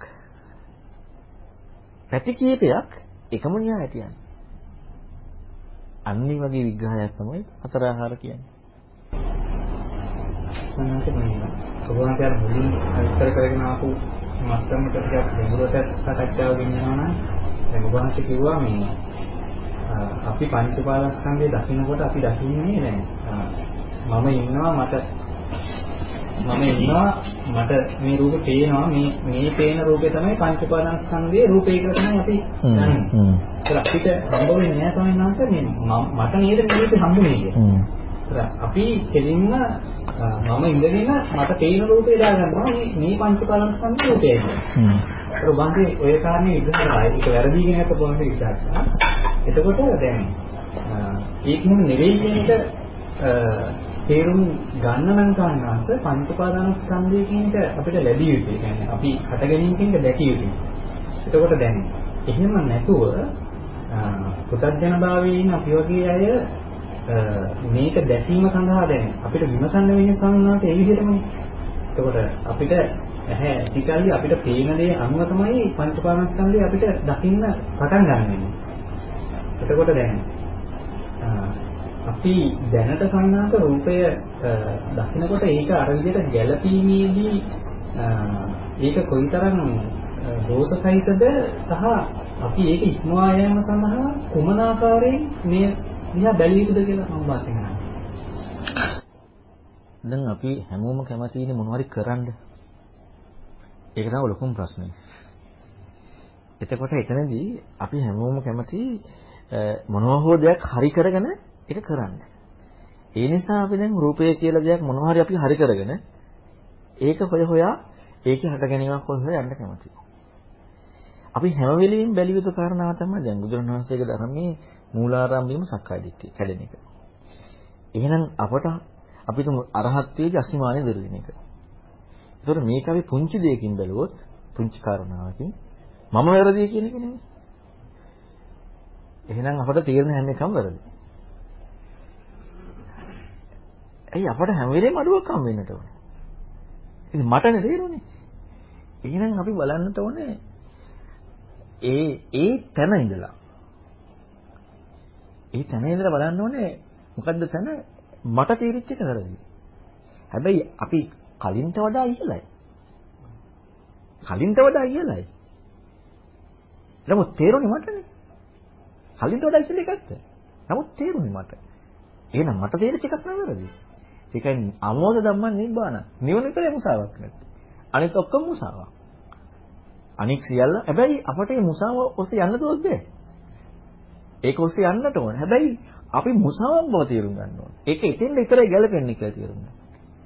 එහෙනම් අපිට රූපය පිළිබඳ බුදුරණාහි යම් විග්‍රහයක් කරගන්න ඒ පැත්තට බලලා අපි ඒකත් එක්ක තේරුම් ගැනීම පටන් අරගෙන හොයාගෙන යනකොට අපේ නුවණක් තියෙනට ඕන. මොකද දැන් මොකද බුදුරණවහන්සේ හිතන්න ඕන විදිහක් ඉස්ලාම් කෙනෙකුට කිව්වොත් එයාට හිතන්න ඕන විදියක් කියලා කියනවා. දැන් අපි ඔක්කොම දන්නවා. එතකොට දැනගන්න දැන් අපි දන්නවා සක්කාය දිට්ඨිය කියලා එකක් මේ කැඩෙනවා කියලා එකක් තියෙනවා. එතකොට එහෙනම් ඒ සක්කාය දිට්ඨිය කැඩෙනවා කියන එක තුල තියෙන්නේ දැන් අර ගද්දුල බද සූත්‍රය බැලුවා. කණුවක දන් වලින් බල්ලෙක් ගැට ගැහුවාම ඒ බල්ලට ළඟින්න තියෙන කණුවටේම ඉන්න තියෙන කණුවටේම මොකද වෙන කිසි තරම් නෑ. බැඳගෙන ඉන්නේ. මෙන්න මේ වගේ කියනවා මේ සක්කාය දිට්ඨියෙන් බැඳ ගැනීම මම කියන එකෙන් බැඳ ගැනීම එච්චරට බැඳ බැම්ම කැඩෙන්න යෝ නැත්තේ. අපිට පේන එක වම නෙමෙයි කියලා මොකද උදාහරණයක් කියන්න? දැන් අපි හිතමු කාමරයකට දැන් අපි දැන් මේ හෝල් එකට ගියාම මේ හෝල් එකේ කවුරුත් ඉන්නවද? ඉන්නවනේ කට්ටිය. එතකොට දැන් ගොඩක් කට්ටිය ඉන්නවා. එතන මම බලනවා මේ එකින් එක්කෙනා පිළිබඳව. හොයලා බලනකොට දැන් මට හිතුව මට එකින් එක්කෙනා කෙරේ ඡන්දයක් තියෙනවා කියලා. මම ලක්මල් කියලා හරි ගාමි මහත කියලා ඡන්දයක් මට තියෙනවා කැමැත්තක් තියෙනවා. මම බලනවා මේ කවුද කියලා. එතකොට මම බලනවා මේ අදාළ නැහැ. මේ මට අයිති දෙයක් නෙමෙයි. මේ මම නෙමෙයි කියලා මම ඔක්කොම බලලා බලනකොට මේ එක්කෙනෙක්වත් මම මගේ කරගන්න අවශ්‍ය ඔක්කොම බාහිර. එතන මට කාමරේට එල්ල බැලුවාට පස්සේ දැන් අපි හිතමු දැන් ඔයාලා ඔක්කොම දැන් මම බැලුවා මේ කවුරුත් මම නෙමෙයි. මගේ නෙමෙයි. දැන් මට හම්බුණා මේ මේ එකක්වත් නෙමෙයි ඔක්කොම හිස්. කිසිවෙක් නැහැ. කිසිවෙක් මගේ කියලා දෙයක් නැහැ. හැබැයි තව කෙනෙක් ඉන්නවනේ. ඒ මම ඉන්නවනේ. දැන් අපට හම්බුනේ මේ ඔක්කොම මම මගේ නෙමෙයි. ඔක්කොම හිස්. සේරම හිස්. හැබැයි මම ඉන්නවා. අපි හිස් කාමරයකට ගියා. දැන් හිස් කාමරයට ගිහලා බලලා එන්නකොත් මම ලක්මාන්ට කියනවා කාමරේ කවුරුත් නැවක බලන්න කියලා. කියලා කියන කවුරුත් නැහැ. කිව්ව වැරදි. කවුරුත් නැති වෙන්න දෙයක් නැහැ දැන් ලක්මාල්ලේ හිටියනේ. එතකොට එහෙනම් එතන කවුරුත් නැහැ කියලා අපි දැක්කේ මොකද්ද? මට එහා මොකුත් නැහැ. ඒකට අපිට මේ ලෝකයේ මොන දේ ගෝචර අපි හිතමු අපට රූපේ තේරුණා. කබලෙන්කාර ආහාර තේරුණා. නාම රූපේ තේරුණා. මේ පංචපාස්කන්ධය තේරුණා. මොන හරි තේරුණා. තේරුණේ කාටද? මට. කොහෙන් ගියත් මොන විදියට කැරකුණත් අර මම අතන ඉන්නවා. අව නැති වෙන්නේ. ඒකයි බුදුරණවහන්සේ විග්‍රහ කරන්නේ මේකට මේ අසෝමයක් සීකට කරලා ඈතින් එල්ලලා විදිනවට වඩා අති තීක්ෂණ නුවණක් ඕනේ. ඕක බලන්න. ඕක ඕක අපිට මේ කොහොම කරත් අපිට දැන් ඕක අගෝචරයි නෑ. ඒකනේ මේක බුදුරණවහන්සේ. බුදු කෙනෙක් මන් දොස්සහය වුණේ. අපි අපි දැන් කියන්නේ බුදුරණවහන්සේ කියපු දේනේ මේ තේරුම් ගන්න ගන්නේ. මේ සර්වඥතා ඥානයේ තියෙන සියල්ල දන්න සම්පූර්ණ ධර්මය අවබෝධ කරගුවා. ඒ ධහම ඒ ආකාරයෙන් දැක්ක තනියම අවබෝධ කර බුදුරණවහන්සේට කියන්න බෑ කියලා හිතනවා. කොහොමද මේකට කියන්නේ? ඒ කියන්නේ ඒ කොහොම කියන්නේද? එච්චරට අමාරුයි. එතකොට එච්චර නෝනක් තියෙන බුදුරණවහන්සේ වචන ටිකක් දුන්නා දිය හැකි උපරිම ප්‍රමාණ දෘෂ්ටියකට නැති වෙන්න හැකියාව තියෙන කෙනාට විතරයි. උදාහරණයක් කියන්නේම උඩට ආපු නෙළුම් වලට හිරුවිලි වලට නේද දුන්නේ? හිරුවිලි දුන්නේ උඩට ආපු නෙළුම් වලට. වතුරේ යට තියෙන නෙළුම් වලට නෙමෙයි. එහෙනම් අපි කොච්චර ධර්මයේ කිව්වත් කොච්චර ඔක ඉගෙන ගත්තා උඩට ආපු නෙළුම් ටික විතරයි හිපෙන්නේ. වතුර තියෙන නෙළුම් ටික හිපෙන්නේ නැහැ. යට තියෙන ඒවා ටික.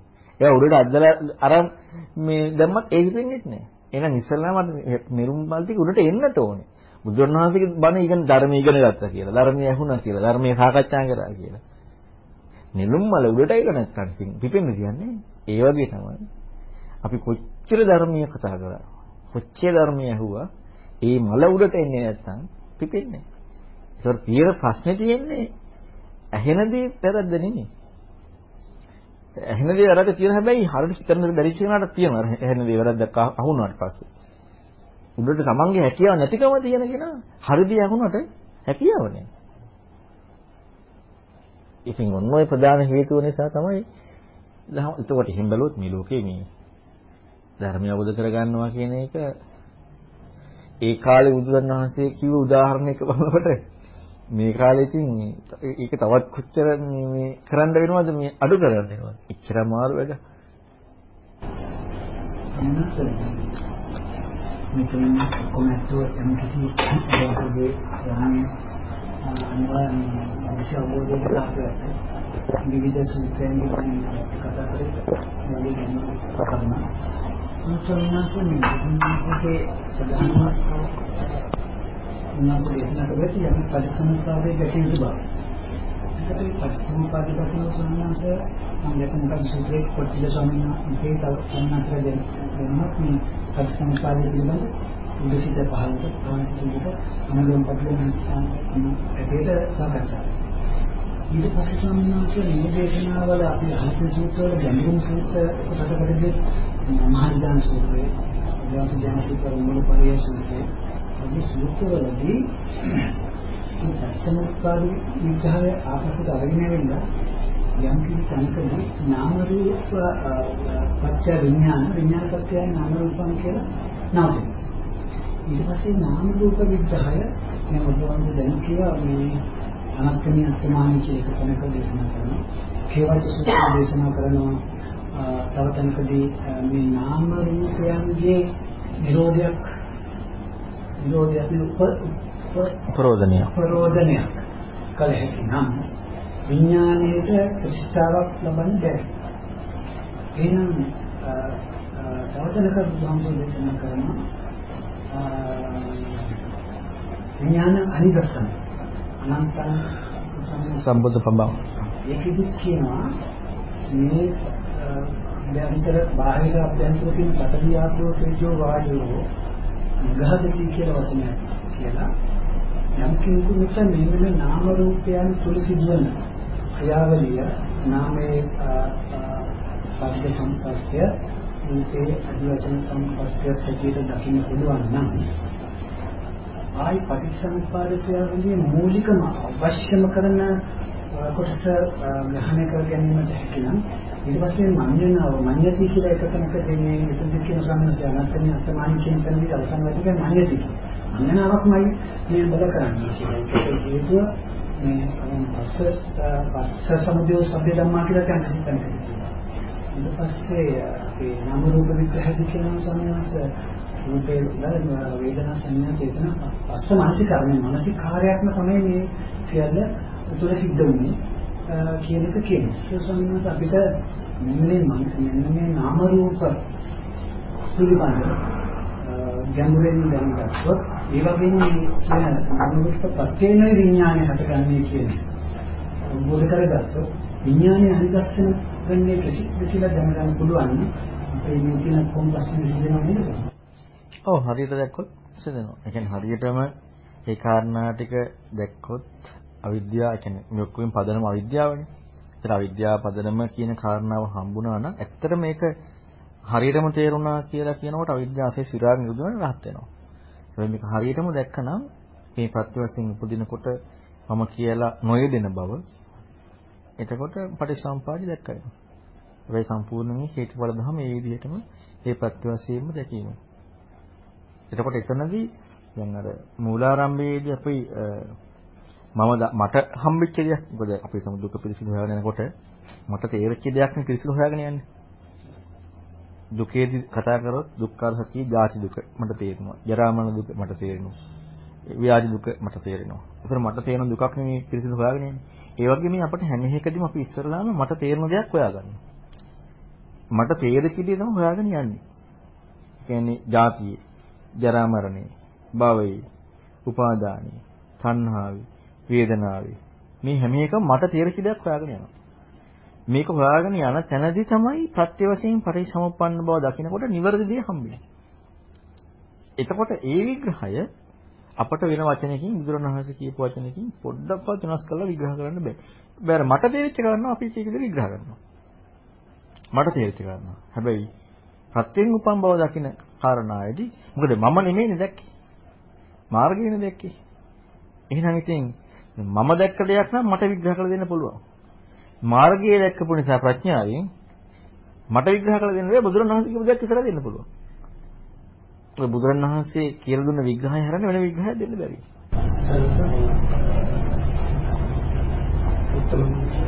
උත්තමසේ ඉස්සර කරන කබලිකාරයේ පේසින් දැක්කම අනාගාමී ඒ දුහම්බුරෝ දේශනා කරපු ප්‍රතිපදාවේ ගිහිල්ලා සක්කාදිට්ඨියෙන් පටන් අරගෙන සංයෝජන දුක් වෙන පිළිවෙලකට සමාධිත්වයට ඇවිල්ලා අරසංග මාර්ගයේ ඒ පාර යන්න පුළුවන් ඒ පාරේ නොගිහින් රූපාරූප ලෝක වලට යන්න පුළුවන්.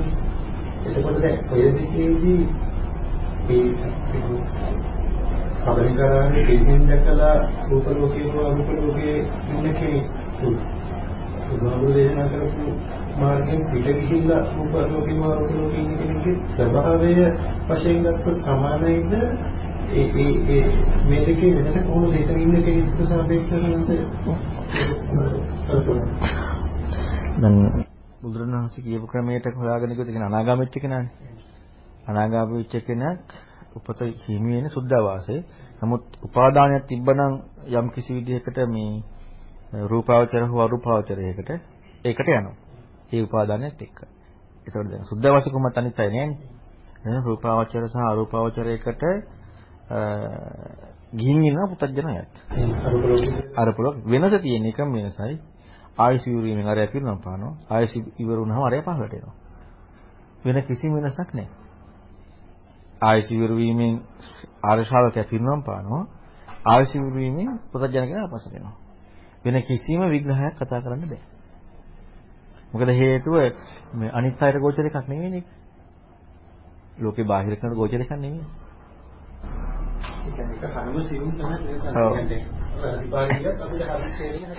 වෙනසක් නැහැ. බාහිරට සහ පුජ්‍යලික අධ්‍යයනයේ මොකද ඇත්තටම මේ පුත ඒ කියන්නේ ආර්ය ආර්ය ස්වභාවයට ආව නැති කෙනාට පුජ්‍යලයන් කියන්නේ. පුජ්‍යලික අධ්‍යයනීමන්නේ. පුජ්‍යලික අධ්‍යයනීම වෙනසකුත් නැහැ. මාර්ග යන කෙනා පුජ්‍යලික අධ්‍යයනීම නෙවෙයිනේ.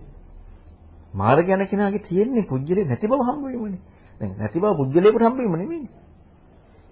පුජ්‍යලියක් නැති බව හම්බ වීම නුවණට. එතකොට එහෙනම් පුජ්‍යලික අත්දැකීමක් හැටියට නෙමෙයි නුවණ තියෙන කියන කාරණාව. ඒකයි දැන් දැන් අපි ගත්තාම මේ මේ ලෝකේ අපි මේ වැටහීමේ ශක්තිය නුවණ කියන කාරණාව හරිම අමාරුයි තේරුම් ගන්න කෙනෙකුට.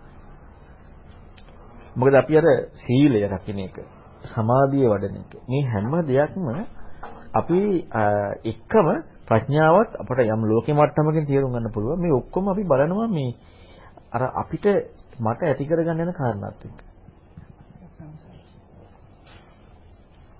මට ඇති කරගෙන යන්න ඕන කාරණාවත් එක්ක බලනවා.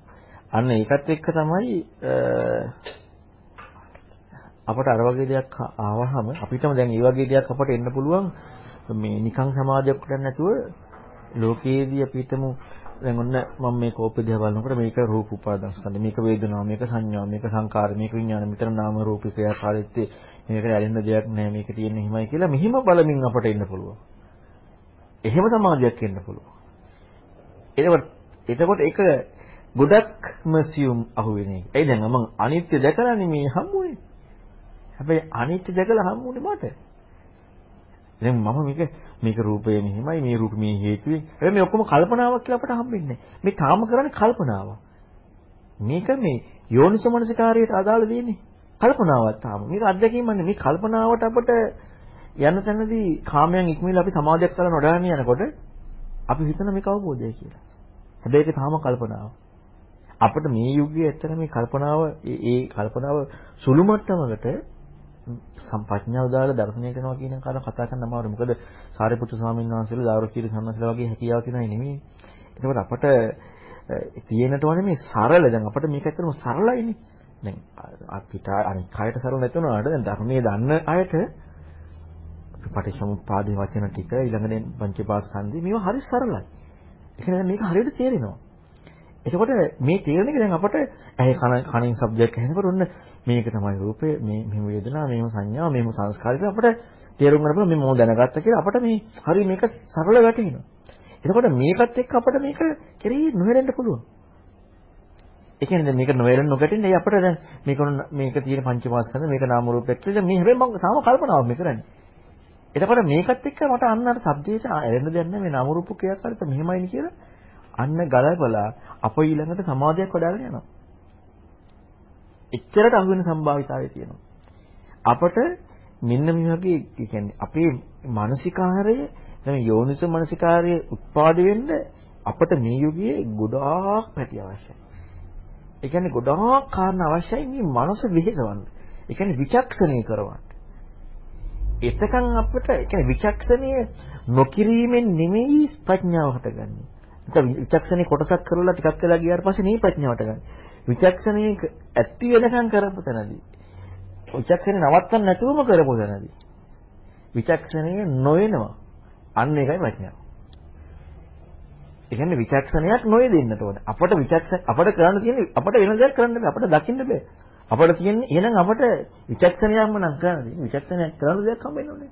නිකම් මේක මුමුණ නිකම් මේ නාම රූප විඥාන පංචපස්ස රූප වේදනා මේක හේතු වෙන්නේ ඒක. දැන් අපි දන්න ටිකනේ අපිට විචක්ෂණය මේ දන්න ටික විතරකයක්. එහෙනම් විචක්ෂණයකට අපට හම්බෙන්නට ඕනේ නොදන්න දෙයක්. නොහැරෙන දෙයක්. තමන්ට නොතේරෙන දෙයක්. තමන්ට නොගැලපෙන දෙයක්. අන්නදී හම්බුනහම අපිට දැන් තියෙන ලොකු ප්‍රශ්නයක්. අන්න විචක්ෂණය කරනවා. එහෙම විචක්ෂණය කරනකොට විචක්ෂණය නතර වෙනවා. ඒ කියන්නේ මම නතර කරනවා නෙමෙයි.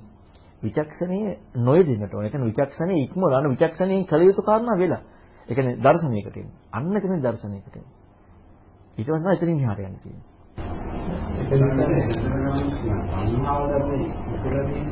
නෑ අක්කදිට. එතකොට දැන් මේ වැරදි පාර සුවන් විස්තර කරා වගේ දැන් මේ ඇලිපි දුරු කරන්නේ නැතුව නගාවේ කියන්නේ රූප අල්ප ලෝකවලට යන්න පුළුවන්. දැන් ඒ යනකොට අපි ඒ අත්දැකීම් එක්ක අපි කොහොම මධ්‍යස්ථව මුලිතක් කියන විචාරය කියන විදිහට බුද්ධ වචනේට අපේ මේ අත්දැකීම් හෝ අපිට මේ අපේ අවබෝධය ගලපලා බැලුවොත් අපිට අපිට හම්බෙච්ච අපිට තේරිච්ච දේ වැරදි කියලා තව බුද්ධ වචනේ හම්බෙන්න ඕනේ. අන්න ඒක තමයි අර අපි දුන්න ගහනකට මේ රූපේ කියලා හම්බෙච්ච දැන නැත්නම් මේ කබලින්කාරයක් කියලා අපිට හම්බෙච්ච දැන අපි සක්කාය දිට්ඨිය විස්තර කරන තැනකට කියලා බලුවොත් අපිට පේන්නේ මේකත් මේ සක්කාය දිට්ඨිය කොටසක්. හ්ම්. එහෙම තේරෙන්න ඕනේ. එතකොට තමයි අපි ඒක තමයි අපි පිරිසිදු හොයන්න යන වැඩ පිළිවෙල. දැන් අපි හිතමු දැන් කබලින්කාර ආහාරය ගැන දැන් අර අපි ඒ සමාජ මතේ වැරදි කියවනේ. දැන් වැරදි කියලා අපි හිතන්න තියෙන නෙමෙයි තියෙන්නේ. අපි හිතන්නම ඕනේ. ඔක තමයි පිරිසිදු හොයනවා කියන්නේ. අපි කබලින්කාර ආහාරය මොකද කියලා හොයන්නට ඕනේ. හොයලා අපිට යමක් තේරෙනවනේ. ඒක බලන්න බුදු දහමට ගැලපෙනවද කියලා. අන්න අතහරින්න ඕනේ. ආයෙ හිතන්න ඕනේ. ඕක හිතන එකම තමයි. ඔය යෝනිසමනසිකාරය කරන එකම තමයි සම්මාදිටපත් වෙන්නේ. යම් කිසි දවසක ඕක යෝනිසමනසිකාරය කරලා කරලා කරලා අපේ විචක්ෂණීය දියුණු වෙලා ප්‍රඥාව වැඩි වෙච්ච තැනදී හරියට මේක එක වචනයක් වන්නතෝ අර ප්‍රත්‍ය ওই විදිහටම තේරෙනවා. එතකන් අපි හිතන්න ඕනේ. හැබැයි හිතනකොට වරදිනවා. මොකද අනිත් ඔක්කොම මුසානේ. එහෙනම් වරදිනවනේ. හම්බෙච්ච දේ වැරදීනේ. එහෙනම් වැරදි දේ වැරදි බව දේශනාවෙන් ගලපලා අතහැරීම හැකියාව එන්නට ඕන.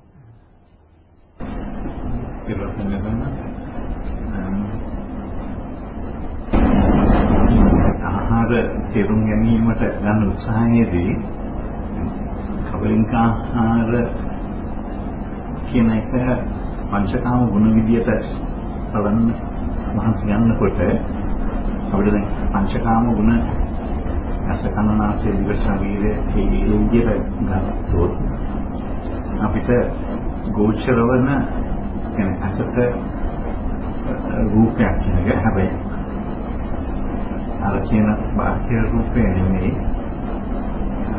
හටගත් රූපයක් සතරපටිපට්ඨානයේ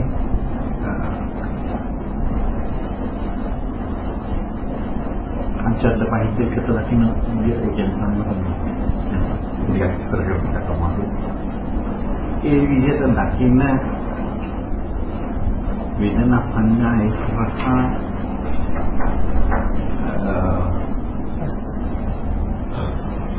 ඒ පංචකාම ගුණ දකින්න එක ඒ විදිහට වන්න එක අන්න කොහොමද? එතන මේ පංචකාමෙන් පිරිසිදු හම්බුනේද කියන්නේ? ගුණ නෙමෙයි කියන්නේ. පංචකාම වලට රාගය රාගය සම්මත දැන් එතනදී අපිට අරුණ ප්‍රකට වෙනවා කියන්නේ ඔව් චන්ද්‍රාගය වෙන්න බෑනේ. ඒක තමයි පංචකාමෙන් දැන් ඒ ඒ ක්‍රමය හරි ගැලපෙනවා ටිකක්. දැන් අපි හිතමු පංචකාම පංචකාම ගුණ නෙමෙයි ඔක කියන්නේ. පංචකාමයේ පිරිසිදු පංචකාම ගුණික රාගය.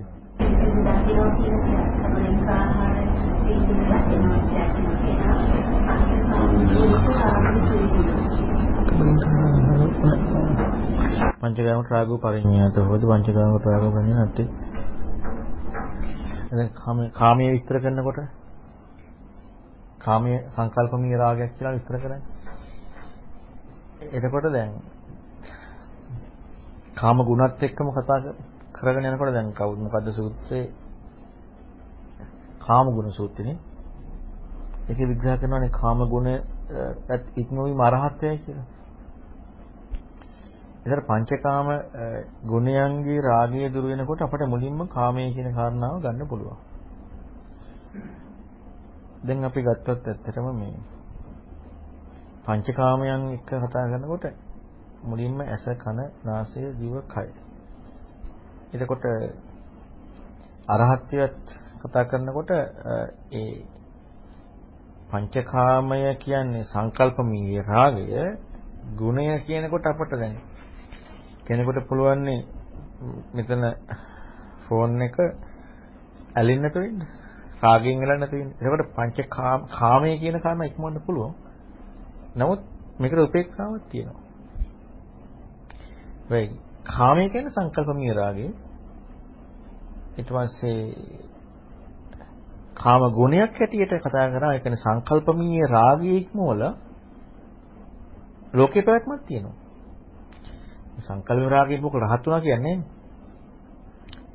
ඒතර දැන් අද අපි කතා කරනවානේ මේකට උපාදාන කරගන්න නැහැ කියන කාරණාව ලෝකේ ඒ උපාදාන කරගන්න නැහැ කියන කතාව තියෙන්නෙම පුතඥයාගේ කාමය දුරු කිරීම කියන දේ. ඇති දෙයකනේ. සේක කෙනාගේ එක වෙනස්. සේක කෙනාගේ උපාදාන නොවන දර්ශනයක් එක්ක. එතකොට හැබැයි යාට ඒ උපාදාන කර නොගැනීම තියෙන්නේ ඇති දෙයක්කට නෙවෙයි. ඇති වෙච්ච දෙයකට. පුතඥ කෙනා උපාදාන කරගන්න නැතුව ඉන්නේ ඇති දෙයකට. සේක කෙනා උපාදාන කරගන්න නැතුව ඉන්නේ ඇති වෙච්ච දෙයකට. ඒ කියන්නේ අනාගාමී වෙච්ච කෙනා. සංකල්ප විරාගිකම වෙච්ච කෙනා. එයා ඇති දෙයකට නෙමෙයි උපාදාන කරගන්නේ ඇති වෙච්ච දෙයකට උපාදාන කරගන්නේ නැත්තේ. හටගත්ත දෙයකට. මොකද එයාට හටගත්ත දෙයක් බව හම්බෙලානේ. හැබැයි හටගත්ත දෙයක් තියෙනවා. හටගත්ත දේ තික්මොීමයි අරහත්. දැන් කබලින්කර ආහාරය කියනකොට පංචකාමයන් හම් වෙනවා කියන්නේ ලෝකේ ඉස්සලම ප්‍රකට වෙන්නේ එතකොට ඇසකරනාසි දිව කයනේ. දැන් මේක තවත් ලස්සනට ගැලපෙනවා මේ දැන් අර අර දෘෂ්ටියට අපි බත් පිඟානක් කන්න ගත්තාම ඇහැට පේනවා. කනට පිට පොඩි කරනවා ඇහෙනවා. නාසයට සුවඳ දැනෙනවා. දිව රස දැනෙනවා. කයට පහස දැනෙනවා. දැන් ඕක තවත් ගැලපෙනවා. පංචකාමෙන් මේක අහු වෙනවා. ඔව් එතකොට කාම ගුණ පහම හම්බුනානේ දැන් කබලින්කාරා. එතකොට දැන් ඕක තවත් ඔන්න ලස්සනට කරපු ගන්නවා මේ කන බොන දෙයට. එතකොට තව ප්‍රශ්නයක් තියෙනවා එහෙනම්. අනිත්‍යයි පංචකාම කාම නේද? කබලින්කාරා දැන් අපි හිතමු කන්නේ නැහැ. කන්නේ නැතුව අපි හිතමු වෙන මොනවා හරි දෙයක් කරනවා කියලා. මොනවා හරි රාගයෙන් ද්වේෂයෙන් කටයුතු කරනවා කියලා. එතකොට එතන ඉඳන් කබලින්කාර අරේ පංචකාමන කියලා නේ. එතන පංචකාම දිනවා. ඒකට ඒ අර අර කබලින්කාර ආහාරය කන බොන දෙයකින් තරකෙට ඒකත් වැරදි කියන කාරණාව හම්බ වෙනවා. එතකොට එහෙනම් අපිට කාමයන් කියන කාරණා මොකද එතන විශේෂයෙන් අනාගාමි කාම ඉක්මවනවා කියන ඉස්සල්ලාම් කියන්නේ පිරිසිදු හොයනකොට. එහෙනම් මේ කාමයන් කියන කාරණා හම්බ වෙනකොට මෙතන පංචපාස්කන්ධය හොයනවා වගේම පංචපාස්කන්ධේ රූප වේදනා සංඥා සංකාර විඥාන කියන පහෙන් ඉක්මව පැවැත්මක් නැහැ. ඔය පහම එකට තියෙනවා. ආහාර හතරෙත්. ඔය පහ ඉක්මවන හැර වෙන පැවැත්මක් නැහැ. හතර ඉක්මවන්න නැතුව ඔය හතරම එකට තියෙනවා. ලෝකයේදී කතා කරාම පංච කුමාරස්කන්ධය අපිට කතා කරන්න පුළුවන් රූපේ නැතුව හතරක්. අපිට ලෝකේ කතා කරන්න පුළුවන් පංචපාස්කන්ධේ සංඥා නැතුව එකක්. ලෝකේ. එතකොට මේ ලෝකේ හම්බෙච්ච දේ හැබැයි යම් කිසි විදිහකට පුතඥ කෙනාට ඒ මට්ටමට යන්න පුළුවන්. හැබැයි ඒ කෙනා ගියේ ඇති දෙයක් ක්‍රමානුකූලව අයින් කරගෙන. ඇති දෙයක් ක්‍රමානුකූලව අයින් කරගෙන ගියේ. එයාට ඒ අත්දැකීමයි හම්බුනේ. බුදුරන් වහන්සේ පෙන්නපු දේ එක්කන කෙන ඇති දෙයක් අයින් කරගෙන නෙමෙයි ගියේ. ඇති වෙන හැටි දකිනකොට හැබැයි එයාටත් අර ලෝකේ ගොරෝසු හම්බුණා නැති කියලා දේ. ඒක ඡන්දකාරී ක්‍රමානුකූල දුරු වේගන යනවා අන්න රූපේටම. කියලා ආර්ය ශ්‍රාවකයාට ඇති වෙන හැටි දකිනකොට දැන් පුතඥය යන්නේ ඇති දෙයට තියෙන චන්දරාගයේ උපාදානය දුරු කරලා ඇති දෙයට. ආර්ය ශ්‍රාවකයා යන්නේ ඇති වෙච්ච දෙයට, හටගත්ත දෙයට. හටගත්ත දෙයට තියෙන චන්දරාගය එයාට මොකද අර නෝනත් එක්ක චන්දරාගය ටික අඩු වෙනවා. හැබැයි එයත් යන්නේ අර මට්ටමටම. කබලින්කාර ආහාරය සත්‍ය හොයන යනකොට දැන් අපිට හටගත්ත දෙයක් හැටියට හම්බ වෙනවා නම් ඒ හටගත්ත දේ හැටියට හම්බ වෙන දේ තුළ සත්‍ය හොයාගෙන යනකොට අර අරූපයට ගියා වගේ අපිට මූලිකවම හම්බෙන්නේ ගොරෝසු මට්ටමත් එක්ක මෙන්න මේ පංචකාමයන් කියන කාරණාව පංචපාස්කන්ධය අන්නෝන්නේ පැවැත්ම හම්බුණා වගේ ඒ න්‍යාය හම්බ වෙනවා. හැබැයි අර මූලිකව දැන් අපි දන්න රූපය එක්කනේ ප්‍රධාන වශයෙන් කාමයේ කතා කරන්නේ අපි. ඒකනේ දැන් රූපේ ඉක්මුවට පස්සේ කාමයේ කියන කාරණාව හම්බෙන්නේ නැහැ. එනම රූප ධ්‍යානවලදී කියන නමුත් අපි ගොරෝසු මට්ටමින් ගත්තාම හම්බෙන්නේ නැහැ. එතකොට මේ පංචකාමයන් කියන කාරණාව එකයි එතන ඇත්තටම ගොරෝසු හෝ සියුම් හෝ කියලා දෙකක් විග්‍රහ කරනවා. එතකොට අනික පිරිසිදු හේතුව මිසක් හේතු දුරු වෙලා හබලින්කාරාහාර දුරුණා කියන්නේ එතකොට එනම් අපිට මූලිකවම කාමයන් සහිතව පංචකාමයන් සහිතව ලෝකයේ ගොඩනගිච්ච කාරණාව. මොකද පංචකාමයන් පිළිසිඳ හම්බ වෙනවා කියලා මොකද දැන් අපි හොයාගෙන ගියොත් ස්පර්ශයේදී අපිට ස්පර්ශයක් හම්බෙන්නේ නැහැ වේදනාවනේ හම්බෙන්නේ. අපිට වේදනාවක් කියන්නේ ස්පර්ශය කියන්නේ මොකක්ද කියලා හොයාගෙන ගියොත් අපිට වේදනාවක් තමයි ප්‍රකට වෙන්නේ. විඳීමක් තමයි ප්‍රකට වෙන්නේ. එතකොට මේ විඳීම ප්‍රකට වෙන තැනදී තමයි අපිට මේ පස්සය සහ පස්ස සමුදය හැටියට අපට තණ්හාව කතා කරන්න පුළුවන්. නමුත් මෙතන පස්සේ හොයාගෙනකොට වේදනාවක් හම්බ වෙන්නේ මොකද වේදනාවෙන් තමයි අපට මේක ප්‍රකට කරලා හම්බෙන්නේ. ස්පර්ශයකින්ද ප්‍රකට කරලා හම්බෙන්නේ වේදනාව. එතකොට මනෝ සංචේතනාව කියන දේ ප්‍රකට කරලා අපට හම්බෙන්නේ තණ්හාවෙන්. නැත්තම් අපට මනෝ සංචේතනාවක් හම්බෙන්නේ නැහැ. මොකද තණ්හාවක් එක තමයි දැන් අපි හිතමු ගොරෝසුව මෙහෙම දැන් මේක ෆෝන් එක මගේ ෆෝන් එක. දැන් අපිට මේක හොයාගෙනකොට අපිට මේ ඒ ඒ ඒ චේතනා ක්‍රියාකාරීත්වයේ ප්‍රකටව හම්බෙලා තියෙන තණ්හාව. විඥානය අපිට මොකද්ද කියලා තේරුම් ගන්න බැහැ. විඥානය කියන කාරණාව හම්බෙනකොට නාම රූපයක්. අන්න වගේ කබලින්කාර ආහාරය කියලා හොයාගෙන යන තැනදී පංචකාමයන් කියන කාරණාව එතකොට එනම් පංචකාම කියන්නේ පංචකාමයන් එතකොට පංචකාම ගුණ කියලා කියන්නේ පංචකාමයන් පංචකාම ගුණිකේ පංචකාම ගුණවල තියෙන රාගය. ඒක පංචකාමයන් නිකං පංචකාමයන් නෙමෙයි හටගත්ත පංචකාමයන් කියන කාරණාව හම්බෙන්නට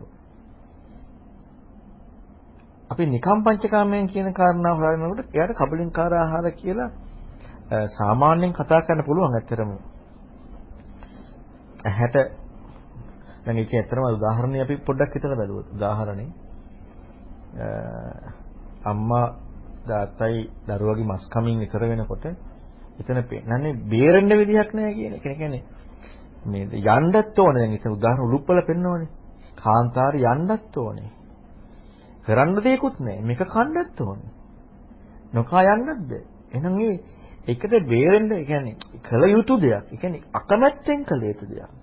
හැබැයි අකමැත්තෙන් කළ යුතු බවක් එයාට හම්බ වෙන්නේ මොකද එයා එහෙනම් දැක්ක මේක මේ මේ යන එක වැරදි. ඒ කියන්නේ මේක මේ කියන්නේ මේ කන එක වැරදි.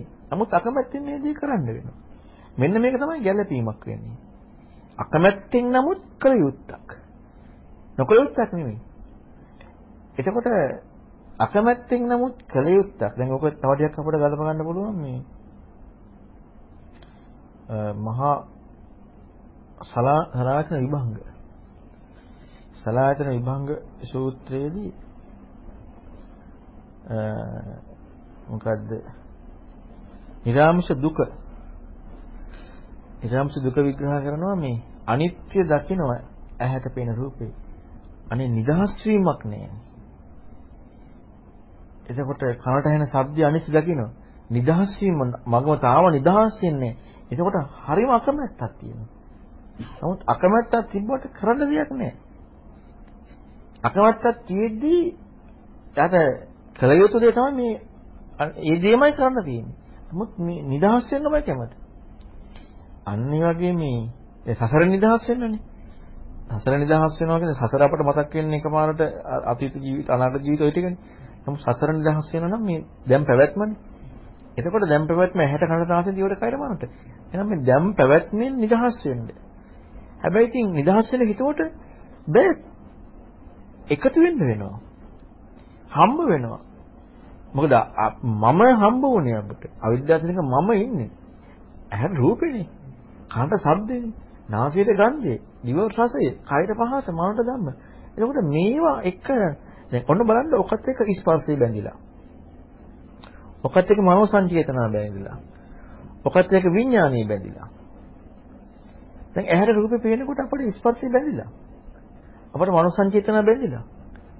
දැන් අපි හිතමු දැන් මේක හැබැයි අදාළ වෙන්නේ නෑ පුතඥ කෙනෙක්. පුතඥ කියන්නේ අපට මූලික මට්ටම කෙනාට මේ මේ විග්‍රහය අදාළ ඒ කියන්නේ මේ විග්‍රහයට බෑ ඒ කියන්නේ මේ ඔය ඔය උදාහරණ හතර හරියට ගැලපෙන්නේ නැහැ. මොකද අපි හිතමු උදාහරණ හතරදී හැම ගහපු ගව දෙනා.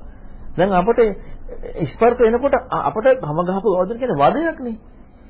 එළියට ගියත් වදයක්. හැම වෙලේම වදයක්. දැන් අපිට බලන්න ඇහැ ඇරිය ගමන් වදයක්ද? කන ඇරිය ගමන් ස්පර්ශන එක වදයක්ද? නාසයට ආග්‍රහණය වදයක්ද? කරදරයක්ද? දිවට ස්පර්ශනේ කරදරයක්. මෙන්න මේ වදයක් කියන එක හම්බෙන්නට ඕන. කරදරයක්. අන්න ස්පර්ශ ආහාරයට හම්බ වෙලා. කොයි විදිහටද? කරදරයක් හැටියට.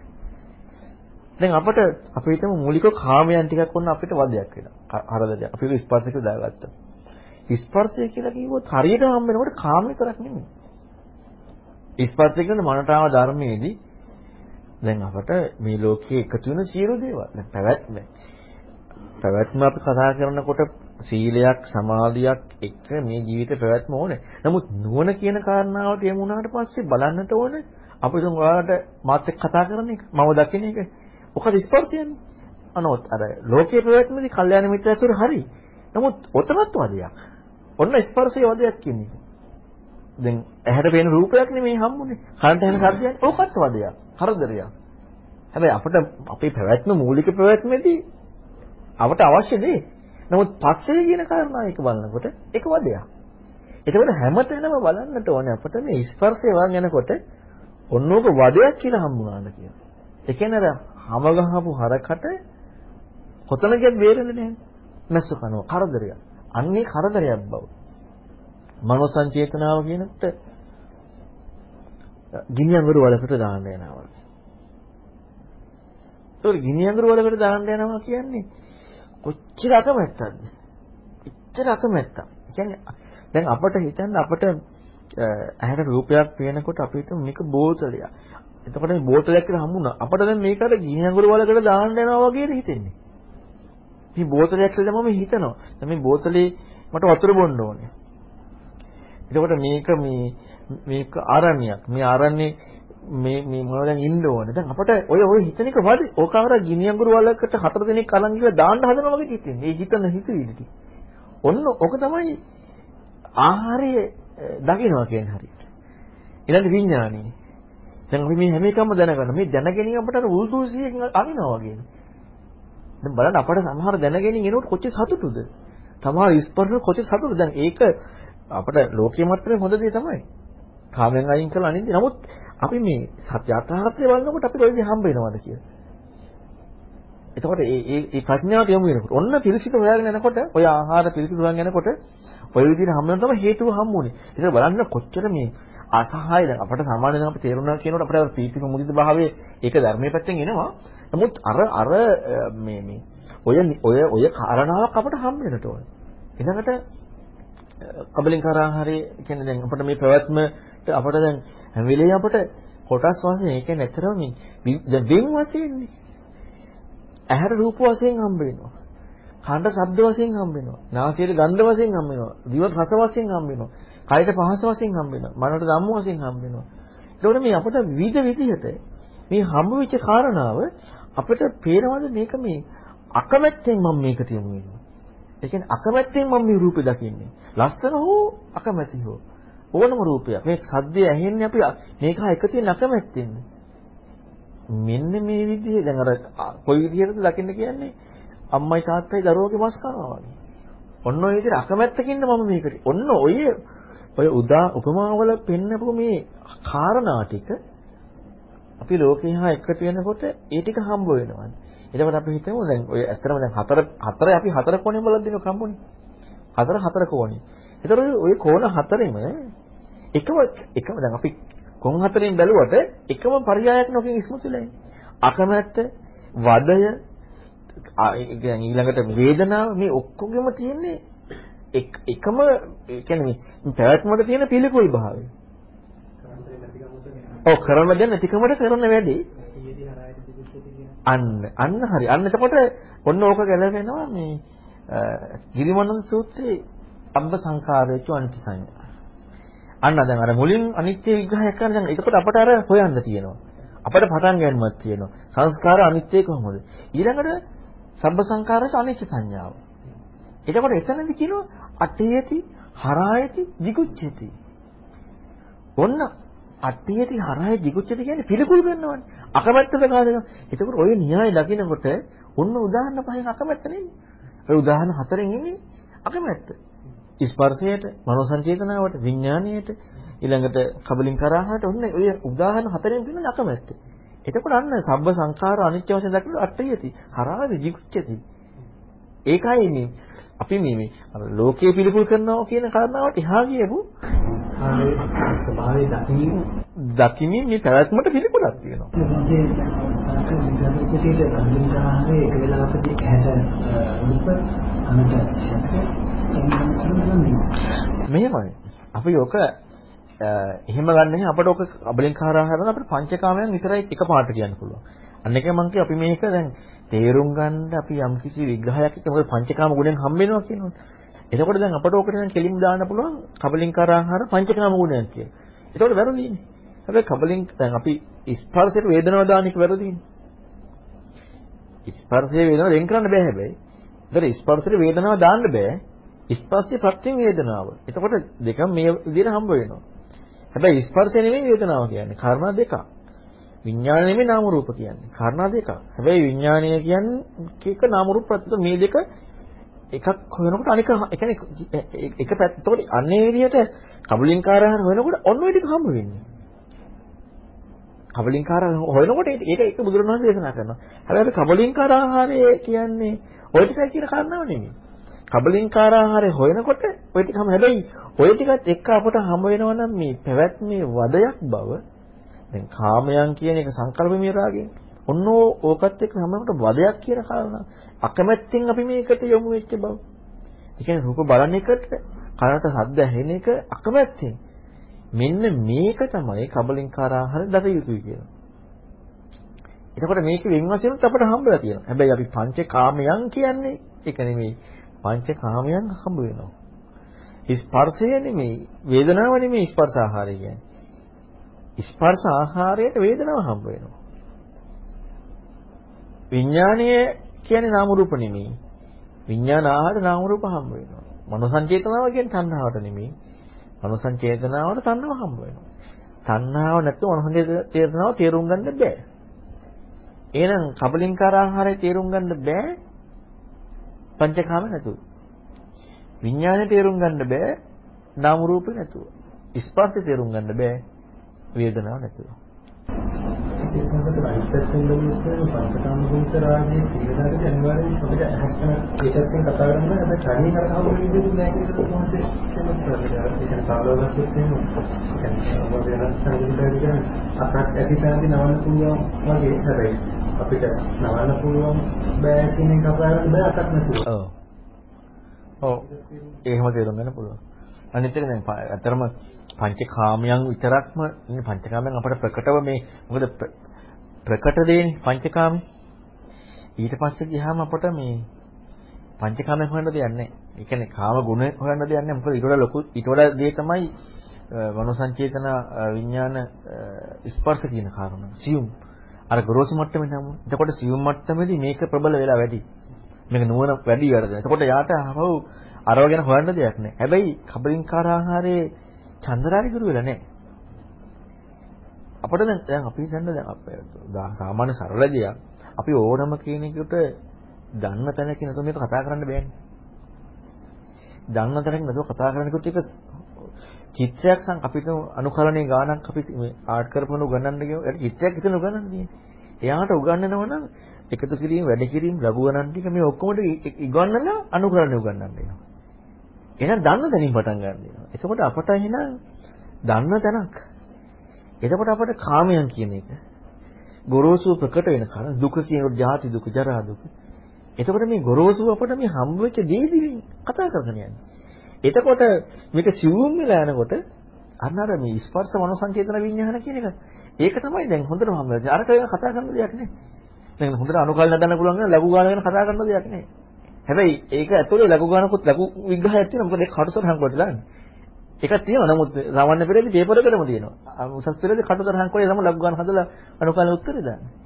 අන්න ඒ වගේ දැන් මනෝ සංචේතන විඤ්ඤාණාහාර ස්පර්ශාහාර කියන එක ඒක ප්‍රකටයි. හැබැයි ඒක තුල අර කබලින්කාර ආහාර චන්ද්‍රාගේ දුර්වල නැත්තේ නේ. තියෙනවා. හැබැයි ඒක නෙමෙයි. අරවා ඉස්සලා ඉස්මතුල වැඩි. හැබැයි මුලින් අරක තමයි ලොකුම දේ. කබලින්කාර ආහාරය. අන්න ඒ වගේ අපට මේ ඒකයි පිරිසිදු හොයන් යනකොට ඒක හම්බ වෙනවා. නමුත් චන්ද්‍රාගේ දුන්න කතාවක් කියන්නේ ඒකයි අතිරාසන චන්ද්‍රාගේ දුන්න කතාවක් කියන්නේ. එහෙනම් මුලින් ඉඳලා අපි හොයාගෙන යන තැනදී අපට ඒ ආයතන ගෝචර ස්වභාවයක් කාම ස්වභාවයක් තමයි මේ කබලින්කාර ආහාර කියන කාරණාවදී හම්බෙන්නේ. ඒතකොට අපිට දැන් ওই වචනෙත් එක්කමනේ ගොඩාක් මේ කබලි කියන්නේ කැබලි කොටස්. කබලි කියන්නේ කැබලි කොටස්. එතකොට දැන් ආහාර කියනකොට අපට කන පිඟාන මතක් කියන්නේ. ආහාර කියන්නේ පැවැත්මනේ. පැවැත්මක් කියන කාරණාවනේ. එතකොට කොටස් වශයෙන් නෙමෙයි වෙන් වශයෙන් කොටස් වශයෙන්. දැන් අපිට බත් මාළු වැංජන හොදි ওই ටික දැන් කොටස් වශයෙන් අපට ඔය හම් වෙනවා. ඉතින් දැන් අර සංඥාවේ නානත්ති නිබ්බේද සූත්‍ර කියන්නේ. සංඥාවේ හරි මොකක් හරි කියනවනේ වෙන් වශයෙන් හම්බෙන්නේ කියලා මේ ඇහැට රූප සංඥාව මොකක් හරි කියනවනේ මේ වෙන් වශයෙන් හම්බෙන්නේ මොකක් හරි ඔය කාරණාවක් තියෙනවා. ඇහැට රූප පේන එක, කනට ශබ්ද ඇහෙන එක. ඔගේ වෙන් වශයෙන් හම්බෙන විග්‍රහය. එතකොට මේ වෙන් වශයෙන් නානත්වයේ විග්‍රහ කරනකොට ඊට පස්සේ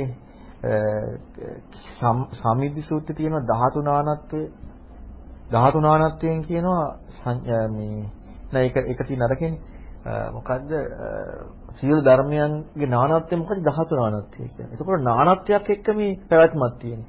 ඒකත්වයක් ඒකත්වයක් එක්ක යනකොට මේ ඒකෙත් නානත්වයක් තියෙනවා. අන්න කාමයන්ගේ වෙනස්කම්ම තියෙනවා. රූපයෙන් වෙනමනේ. ඒතර බලන්න මේ මේ කබලින් කරාහනේ කාමයට එක්කම කතා කරන්නේ. එතකොට ඒකේ වෙනස් වෙනස් කාමයන් වෙනස් අරූපයෙන් වෙනන්නේ. ඔන්නෝක ලක්ෂණට ගැලපෙනවනේ. කුමෙන් වශයෙන්? කාමයන් වෙනස්කම්. මොකද ඇහෙන් දකින කාමී. ඔන්න වෙනස්. අන්න වෙනින් වශයෙන් මේක තියෙන්නේ. එතකොට වෙනින් වශයෙන් කියන්නේ කොටස් වශයෙන් වෙනින් වශයෙන් හම් වෙන දෙයක් ඒක. එකම විදියට නෙමෙයි. ඇහැට තියෙන රූප එක විදියකට, කනට ඇහෙන ශබ්ද තව විදියකට.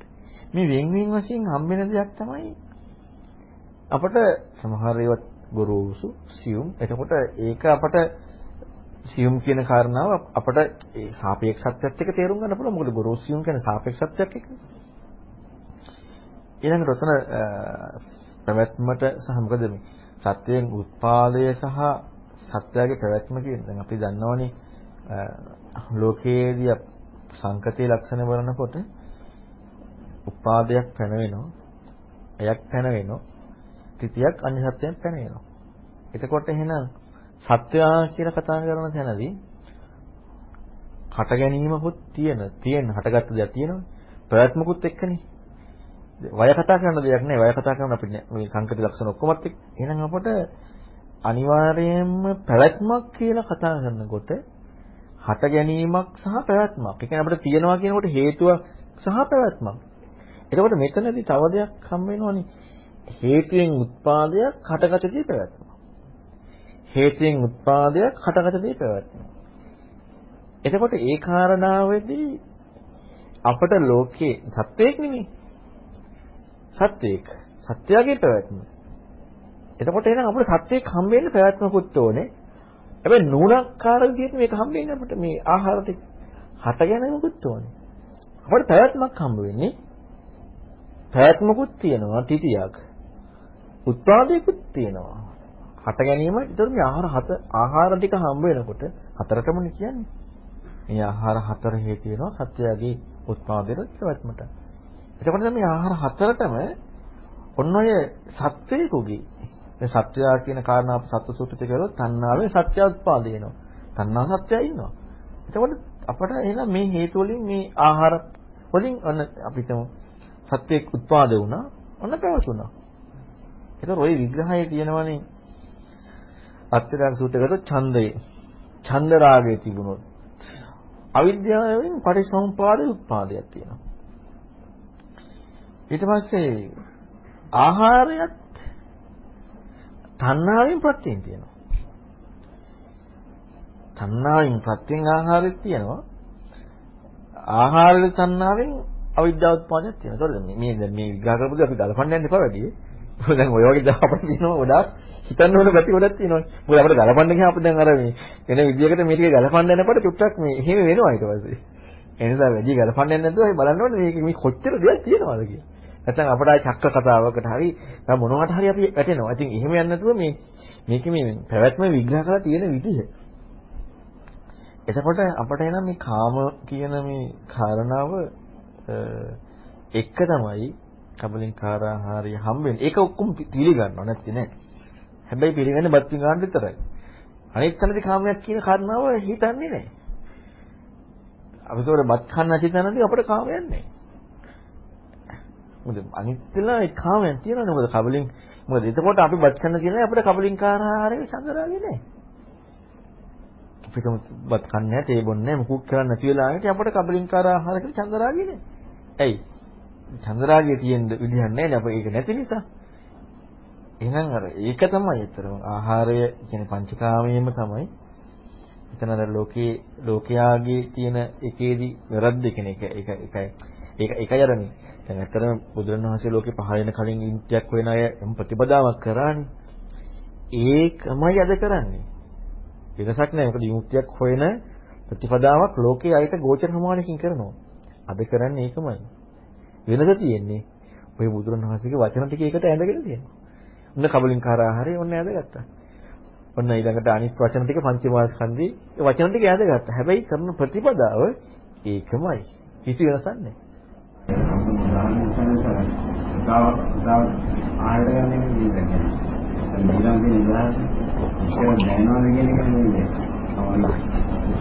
හොඳයි ඒක ඒකදී බලන්නකො ඒක කොච්චර මේ අකමැත්තක් තියෙනවා.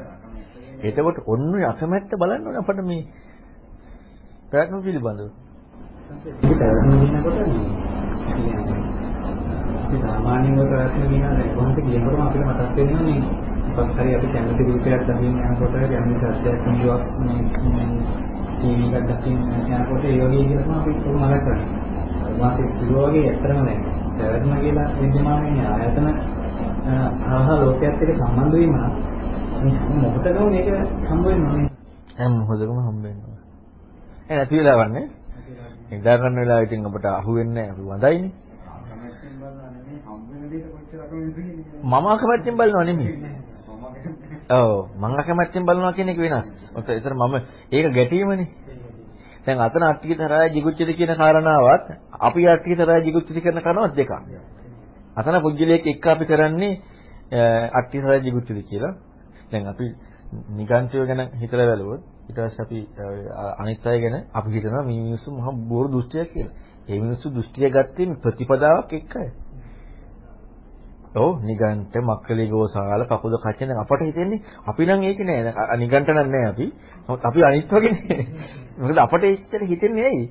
ඒව වැරදි කියලා නමුත් යාලා නිකන් නෙවෙයි වැරදි කියලා ගත්තේ. ඒ දෘෂ්ටිය ගත්තේ. යාලා කල්පනා කරලා එයාලට ඒකේ කාරණා නැත්තම් අර දෙවිවරු වෙදිලා කියන්නේ මේක හරි කොච්චර නිවැරදි දෙයක්ද කියලා. මොකද ඒකේ යම් දැන් අපි අර ඒ දෘෂ්ටිය කතා කරා ඒ දෘෂ්ටියට ආවුදි කතා කරන්නේ නේ. දැන් නිගණ්ඩලයි අඳුන්ගන්නේ නැත්නම් සතු වෙන නිසානේ. අර ඔක්කොම ඉතින් අපිත් දැන් මේ බලන යනකොට කොච්චර සමහර වෙලාවට නිර්මාත ප්‍රශ්නෙම ගත්තාට පස්සේ කොච්චර යනවද ඒකට? අපි අච්චර දුර නොකියට ඊළඟට පකොද කච්චාය ඉඳලා මේ මක්කලේ ගෝසාරලා අර ආයුධ ආයුධ වශයෙන් ධාතු ධාතු වශයෙන් ගියාට පවක් පිනක් නැහැ කියන්නේ. ඉතින් අපිත් දැන් මේ මෙතනක් ධාතු මෙතනක් ධාතු කියලා අපිත් දැන් කතා කරනකොට අපිත් දැන් ක්‍රමානුකූලව අර බුදුරණවහන්සේගේ වචන ටික අරගෙන ඒ දෘෂ්ටියට ගිහිල්ලා තියෙන සමහරලා. මොකද මෙතන ඇලෙන්න ගැටෙන දෙයක් නැහැ නේ කියලා. හත්ේ පුජිරින් නැහැ නේ කියලා. සුන්දර වචන කටිනට ගොඩක්ම ආහාර කියන වචන ටිකක් දැන් ආහාර කියන වචනය හරි විදිහට අපි තේරුම් ගන්න උත්සාහ කරොත් අපිට ආහාරය කියන එක හැදිලාගේ දේශනා කරපු තැනදී මොකක් හරි දෙයකට හේතුවක් ප්‍රත්‍යක් කියන තැනකින් නේද අපි ආහාරයට දැන් අපිට ආහාර කිව්වා කැමක් හැටියට තේරුම් ගන්න අපි ඉස්සර කියන්නේ වචන මුල් වෙනවා අපිට සම්ප්‍රදාය වෙනවා අපි වචන මුල් වෙලා තියෙන්නේ ඒක සංකල්ප අපිට හැඟීමක් හැටියට එන්නේ කන දෙයක්. මොනවද විස්තර කරන්නේ ඒක ලෝකෙ මට්ටමින් විස්තර කරත් ලෝකෝත්තර මට්ටමින් විස්තර කරත් මොකක් හරි දෙයකට හේතුවක් ප්‍රත්‍යක් කියන තැනකින් ආහාරය කියන එක කතා කරන්නේ පංච නිවර්ණ වලට ඔව්. ආහාරය කියලා කියන්නේ නැහැ කියලා ඒක සූත්‍රයක්. ඒ වගේ මොකක් හරි දෙයකට ප්‍රත්‍යක් හේතුවක් විස්තර කරන්නම නේද සංකේතය. ආහා. නේද ආහාර කියන ඒ තමයි. ඔය ඇත්තට අපි අ, ලෝකයේ ආහාර රසතේ ඡායට හේතු අපි ඒකත් කයට හේතුවක්නේ. ඒක නිසා නම් තේරෙන්නේ අපි කපලින්කාර ආහාරයට එහෙම දාති අපි කපලින්කාර දැන් බුදුහාමුදුරුවෝ කපලින්කාර ආහාරය හෝ සතර ආහාර විස්තර කරන තැනදී කියන්නේ සත්‍යයේ ප්‍රගතියට සත්‍යයේ ඉදීමට තමයි මේ ආහාර හතර විස්තර කරන්නේ. එතකොට අපිට කපලින්කාර ආහාරය හොඳේදී අපි බුදුහාමුදුරුවෝ විස්තර කරපු ඒ විග්‍රහයට ගලප ගන්නවා නම් මේ මේ සංසාරයේ සත්‍යයේ ඉදීමට සහ ප්‍රගතියට අපි ගලපගන්න යුතුයි. හැබැයි අද අපි කබලින්කාර ආහාරය කයට සාපේක්ෂව කරපොගනිද්දි එතකොට අපි අනිත් පැත්තෙන් තව දෘෂ්ටියකින් කියන නේද? මේ ආත්මය මමයි කියලා මේ කියන්නේ කබලින්කාර මේ මේ ඇඟ තේන ගොරෝසු කය කියලා ගත්තාම එතනින් නොදෙනවත් අපි තව දෘෂ්ටියකින් කියලා මේ තමයි මම කියන මේ ඇඟ තමයි මම කියන දෘෂ්ටියකින් කියන්නේ ඔව්. ඒ කියන්නේ අපි හැම වෙලෙම කොහෙන් හරි ගියාම අර මේ ආත්ම සංකල්පයට ඒ කියන්නේ ඒක වැටෙනවමයි. ඒක අර සාමාන්‍ය ප්‍රශ්නෙට ගිහිල්ලා සබ්බේ සත්ත ආහාරත් ටික කිව්වම ඒක විග්‍රහ වෙන්නේ කොහොමද? සියලු සත්‍යෝම ආහාරය මත එතනවා කියන්නේ. ඒකත් කියන්නේ කනබුන ආහාර මේ මට්ටමින් අපි ඉන්නේ. ඔව් දැන් එතන ඇත්තට මුලින් ඉඳලම විග්‍රහය ගත්තොත් එහෙම. මුලින් ඉඳලම කුමාර ප්‍රශ්නේ මේ කුමාර වාක්‍යයෙන් මුලින් ඉඳලම ගත්තොත් එහෙම. පළවෙනි එක සබ්බේ සහ ආහාර ටිතික. දෙවෙනි එකේ ඔක විග්‍රහ කීපයක් තියෙනවා. දෙවෙනි එකේ දෙක නාමංච රූපංච. ඊළඟට තුන තීනි වේදනා, තිස්සෝ වේදනා. හතර ආර සත්‍ය විග්‍රහ කරනවා. පහ පංචපාස්කන්ධි. හය සලායතන හත බුද්ධංග. අට ආරෂ්ඨාංග මාර්ගය. නවය නව සත්තාවාස. එතකොට 10 දසාංගයේ සමන්නාගත. එතකොට දැන් ඔතනදී දැන් අපිට පොඩ්ඩක් අපි ආහාර කතා හරිමුකෝ. නව සත්තාවාස කියනොත් සත්තාවාස 9. ඔන්න ඔතන පොඩ්ඩක් සාධාරණයි අපට හිතන්නේ මේක. හැබැයි නව සත්තාවාසාක සත්වයාගේ වාස 9 කියලා හිතන ඕකෙන් රහත් වුණානේ. මේ මේ කුමාර කස්සප සන්නස්සේ. එතකොට නව සත්තාවාසා කියනකොට සත්වයාගේ වාසස්ථාන 9ක් නේ. දැන් ඕක නේද මේ මහා නිදාන සූත්‍රය. නව සත්තාවාසා නිග්‍රහ කරන්නේ. ඒක නව සත්තාවාසර ඇත්තනේ හම්බුනේ. නව සත්තාවාස කියන්නේ මොකද්ද? අන්න මහා නිදාන සූත්‍රය විග්‍රහ කරනවා. ඒතර ඕකයි කබලින්කාර ආහාරය කියන දෙක විතරනේ අපට ඔතන කියන්නේ ආහාරයි නව සත්තාවාසයි දෙක විතරනේ අපට මේ ලෝකේ පැවැත්මක් කියන දේ හම්බෙන්නේ. නාම රූපය හම්බෙනවා. තීන තිස්ස වේදනා හම්බෙනවා. ආර්ය සත්‍ය හතර හම්බෙනවා. පංචපාස්කන්ධය හම්බෙනවා. ආයතන හය හම්බෙනවා. බොජ්ජංග ටික හම්බෙනවා. ආරෂ්ඨාංග මාර්ගයත් හම්බෙනවා.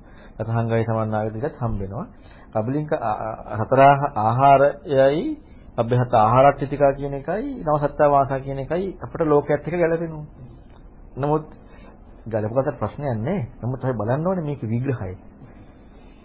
මේ විග්‍රහය බලාගෙන යනකොට කොච්චර සියුම් දෙයක් මෙතන තියෙනවද?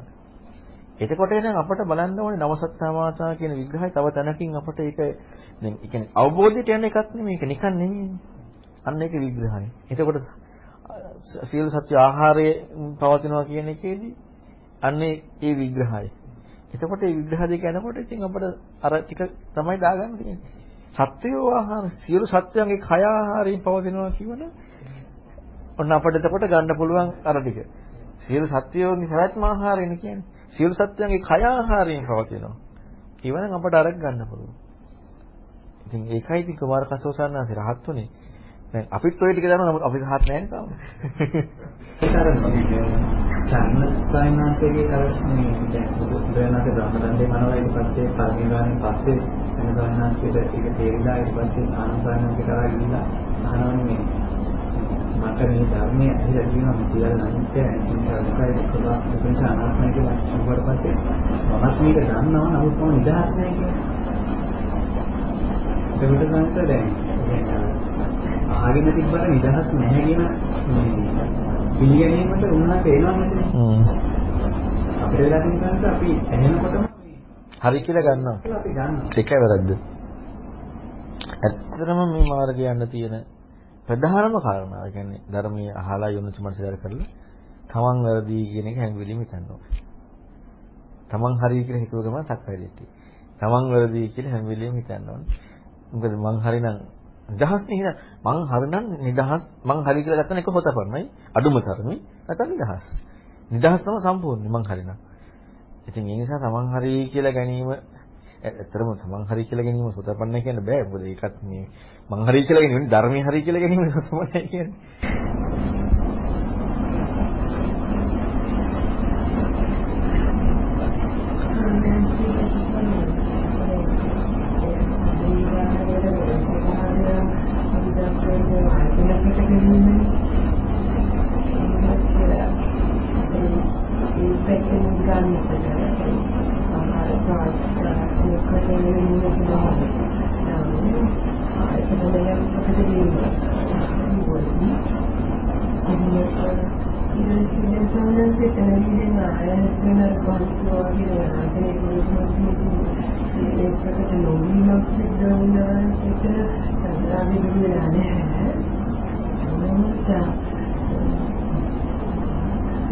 වශයෙන් කියනවා සංචේතන එහෙමකට විතර එක ඒ ස්වභාවයේ ඉතර සියුම් ස්වභාවයකට විශේෂයෙන්ද ඒක නෙමෙයි ස්වභාවයක නරුත් කියන්නේ ස්වභාවයෙන්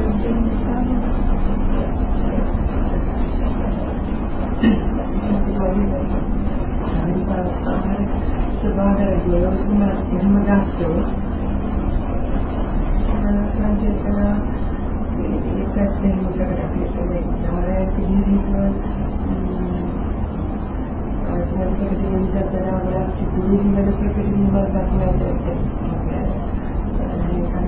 දේවල් එතන සාපිට මොන විකාර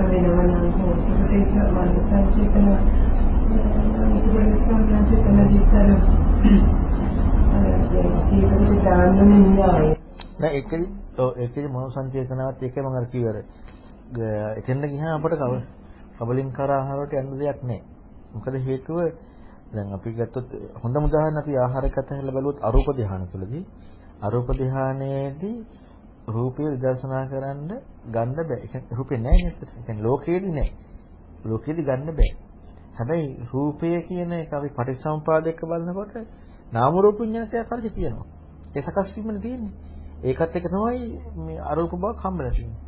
නමුත් අපට හම්බ වෙන්නේ වේදනා හොඳ චේතනා විඥාන. ඔය ටිකයි හම්බ වෙන්නේ. එතකොට ඕකෙන් තමයි හම්බෙන්නේ. එහෙනම් එක ස්වභාවයක් තමයි හම්බ වෙන්නේ දැන් කබලින් අපිට කෙනෙකුට පංචකාමයන් ඉක්මවපු කෙනෙකුට ඒකට යන්නේ නැති කෙනෙකුට කොහොමත් මේ ඒක ඉක්මවවනම් අරදී පුජ්‍යලයාගෙන් නීතිය ගන්න බෑ. පුජ්‍යලයාට කබලින්කාර ආහාර කියන ස්වභාවයක් එක්ක හොයන එකට වඩා යාට ලේසිකම තියෙන්නේ මනුසං චේතනාවක් ස්පර්ශයක් විඥානයක් කියන එකත් එක්ක. මොකද අර කාරණාව යාට ගෝචර නැහැ. ඒක සියුම්. අර සියුම් කියන්නේ ඇත්තටම අර රූපේ වගේ තමයි. මොකද ඒක පුජ්‍යලට ගෝචරයේ ස්වභාවයත් එක්ක. නමුත් මේ න්‍යායික හොයාගෙන යනකොට එයාට දැන් හම්බ වෙන්නේ මූලිකවම කබලින්කාර ස්වභාවය හම්බ වෙලා ඒකේ සත්‍ය දැකලා සත්‍ය දකින්න ඕනේ දැන්. ඇත්තටම අපි බුදුරණවහන්සේගේ දේශනාව කිසි තැනක නෑ ඉස්තරලාම කෙනෙක් පුතඥනම ඉඳලා ධ්‍යාන වලට ගිහිල්ලා මකපල් ලැබුවා කියලා. සත්‍යජන කෙනෙක් බුදුරණවහන්සේගේ ධර්මය අහන්න නැතුව ධ්‍යානයක ධර්මය අවබෝධ කරනවා කියලා නෑ. ධර්මය අවබෝධ වෙච්ච කෙනෙක් ධ්‍යානයකට ගිහිල්ලා අන්න අනාගාමීව රහත් වෙනවා. පුතඥන කෙනෙකුට ධ්‍යානයට ගිහිල්ලා නමුත් අවුද අපි කතා කරනවා සීලය දැක්ක සමාධියල එතනින් නිදර්ශනා කිරීම. නමුත් එහෙම දේශනාවේ පොතනකවත් නැහැ. ඒක කරන්න බෑ. ඇත්ත දකින්ද අපිට ලෝකයට යන්නට ඕනේ. ලෝකේ හම්බෙච්ච දේ.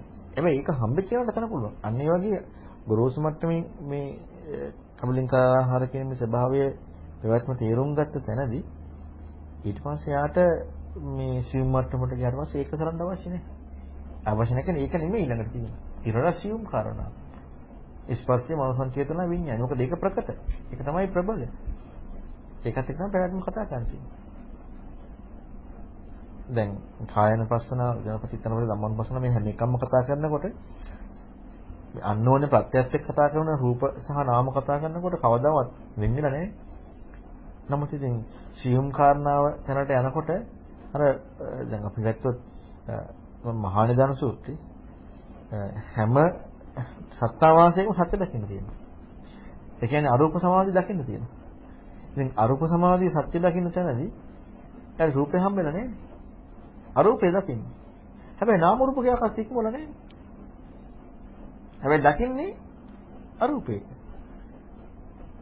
ඒ යාට ගෝචර ස්වභාවී පුජ්‍යලයට ගෝචර ස්වභාවය. ඒකට මේ පුජ්‍යලයට ගෝචර ස්වභාවයත් එක්ක අපි යනවා තේරුම් ගන්න. ඒක ඒ තේරුම් ගැනීම පුජ්‍යලයටයිති. වටහා ගැනීම පුජ්‍යලයටයිති. දැන් අපි දැන් මේ කතා කරපු සියලු වටහා ගැනීමයිති පුජ්‍යලයට. පුජ්‍යලන වටහාගත්. දැන් අපි දැන් අපට ගොඩක් හරි හිතන දෙයක් තියෙනවානේ. පුජ්‍යලය වටහාගත්තමයි කාරණාව හරි කියලා. ඕකට අපි ලකුණක් ලකුණක් දෙන්න හොඳ නැහැ. මොකද හේතුව ඕක ඕක මටනේ තේරුනේ. අපි તો හරිම දෙයක් තේරුණා කියලා. ඉතින් හරිම දේ තේරෙන්නේ සක්කායදිට කියලා නෑනේ. හරිම දේ තේරෙන්නේ තේරිච්ච දේ තුනම වෙන්න ඕනේ. එහෙනම් අපට තේරෙනවා යමක්. ඒ තේරිච්ච කාරණාව තුළ අපි බලන්න ඕනේ හැම වෙලෙම මම නොයේ දෙන බවක් එක්ක.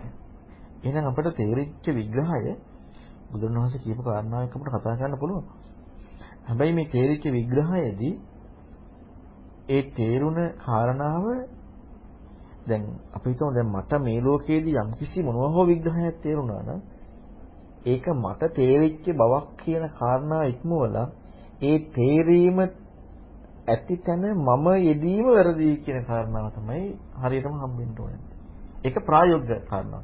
අපේ හැබැයි අපිට යෝනිසෝමනසිකාරය කරන්න ඒක මම කිය අපේ මානසිකාරයට අපි ඔය විදිහ කරන්න ඕනේ. ඔක් කරන්නේ නැත්නම් අපිට කවදාවත් මාර්ගයට යන්න බෑ. ඒ කියන්නේ අපි ඔය විතර වැඩ පිළිවෙල හිතුවේ නැත්තම් යන්න බෑ. කරන්න ඕනේ. හැබැයි කරන දැන දැන් බලන්න හැම වෙලෙම දහම් කැඩපතට දාලා.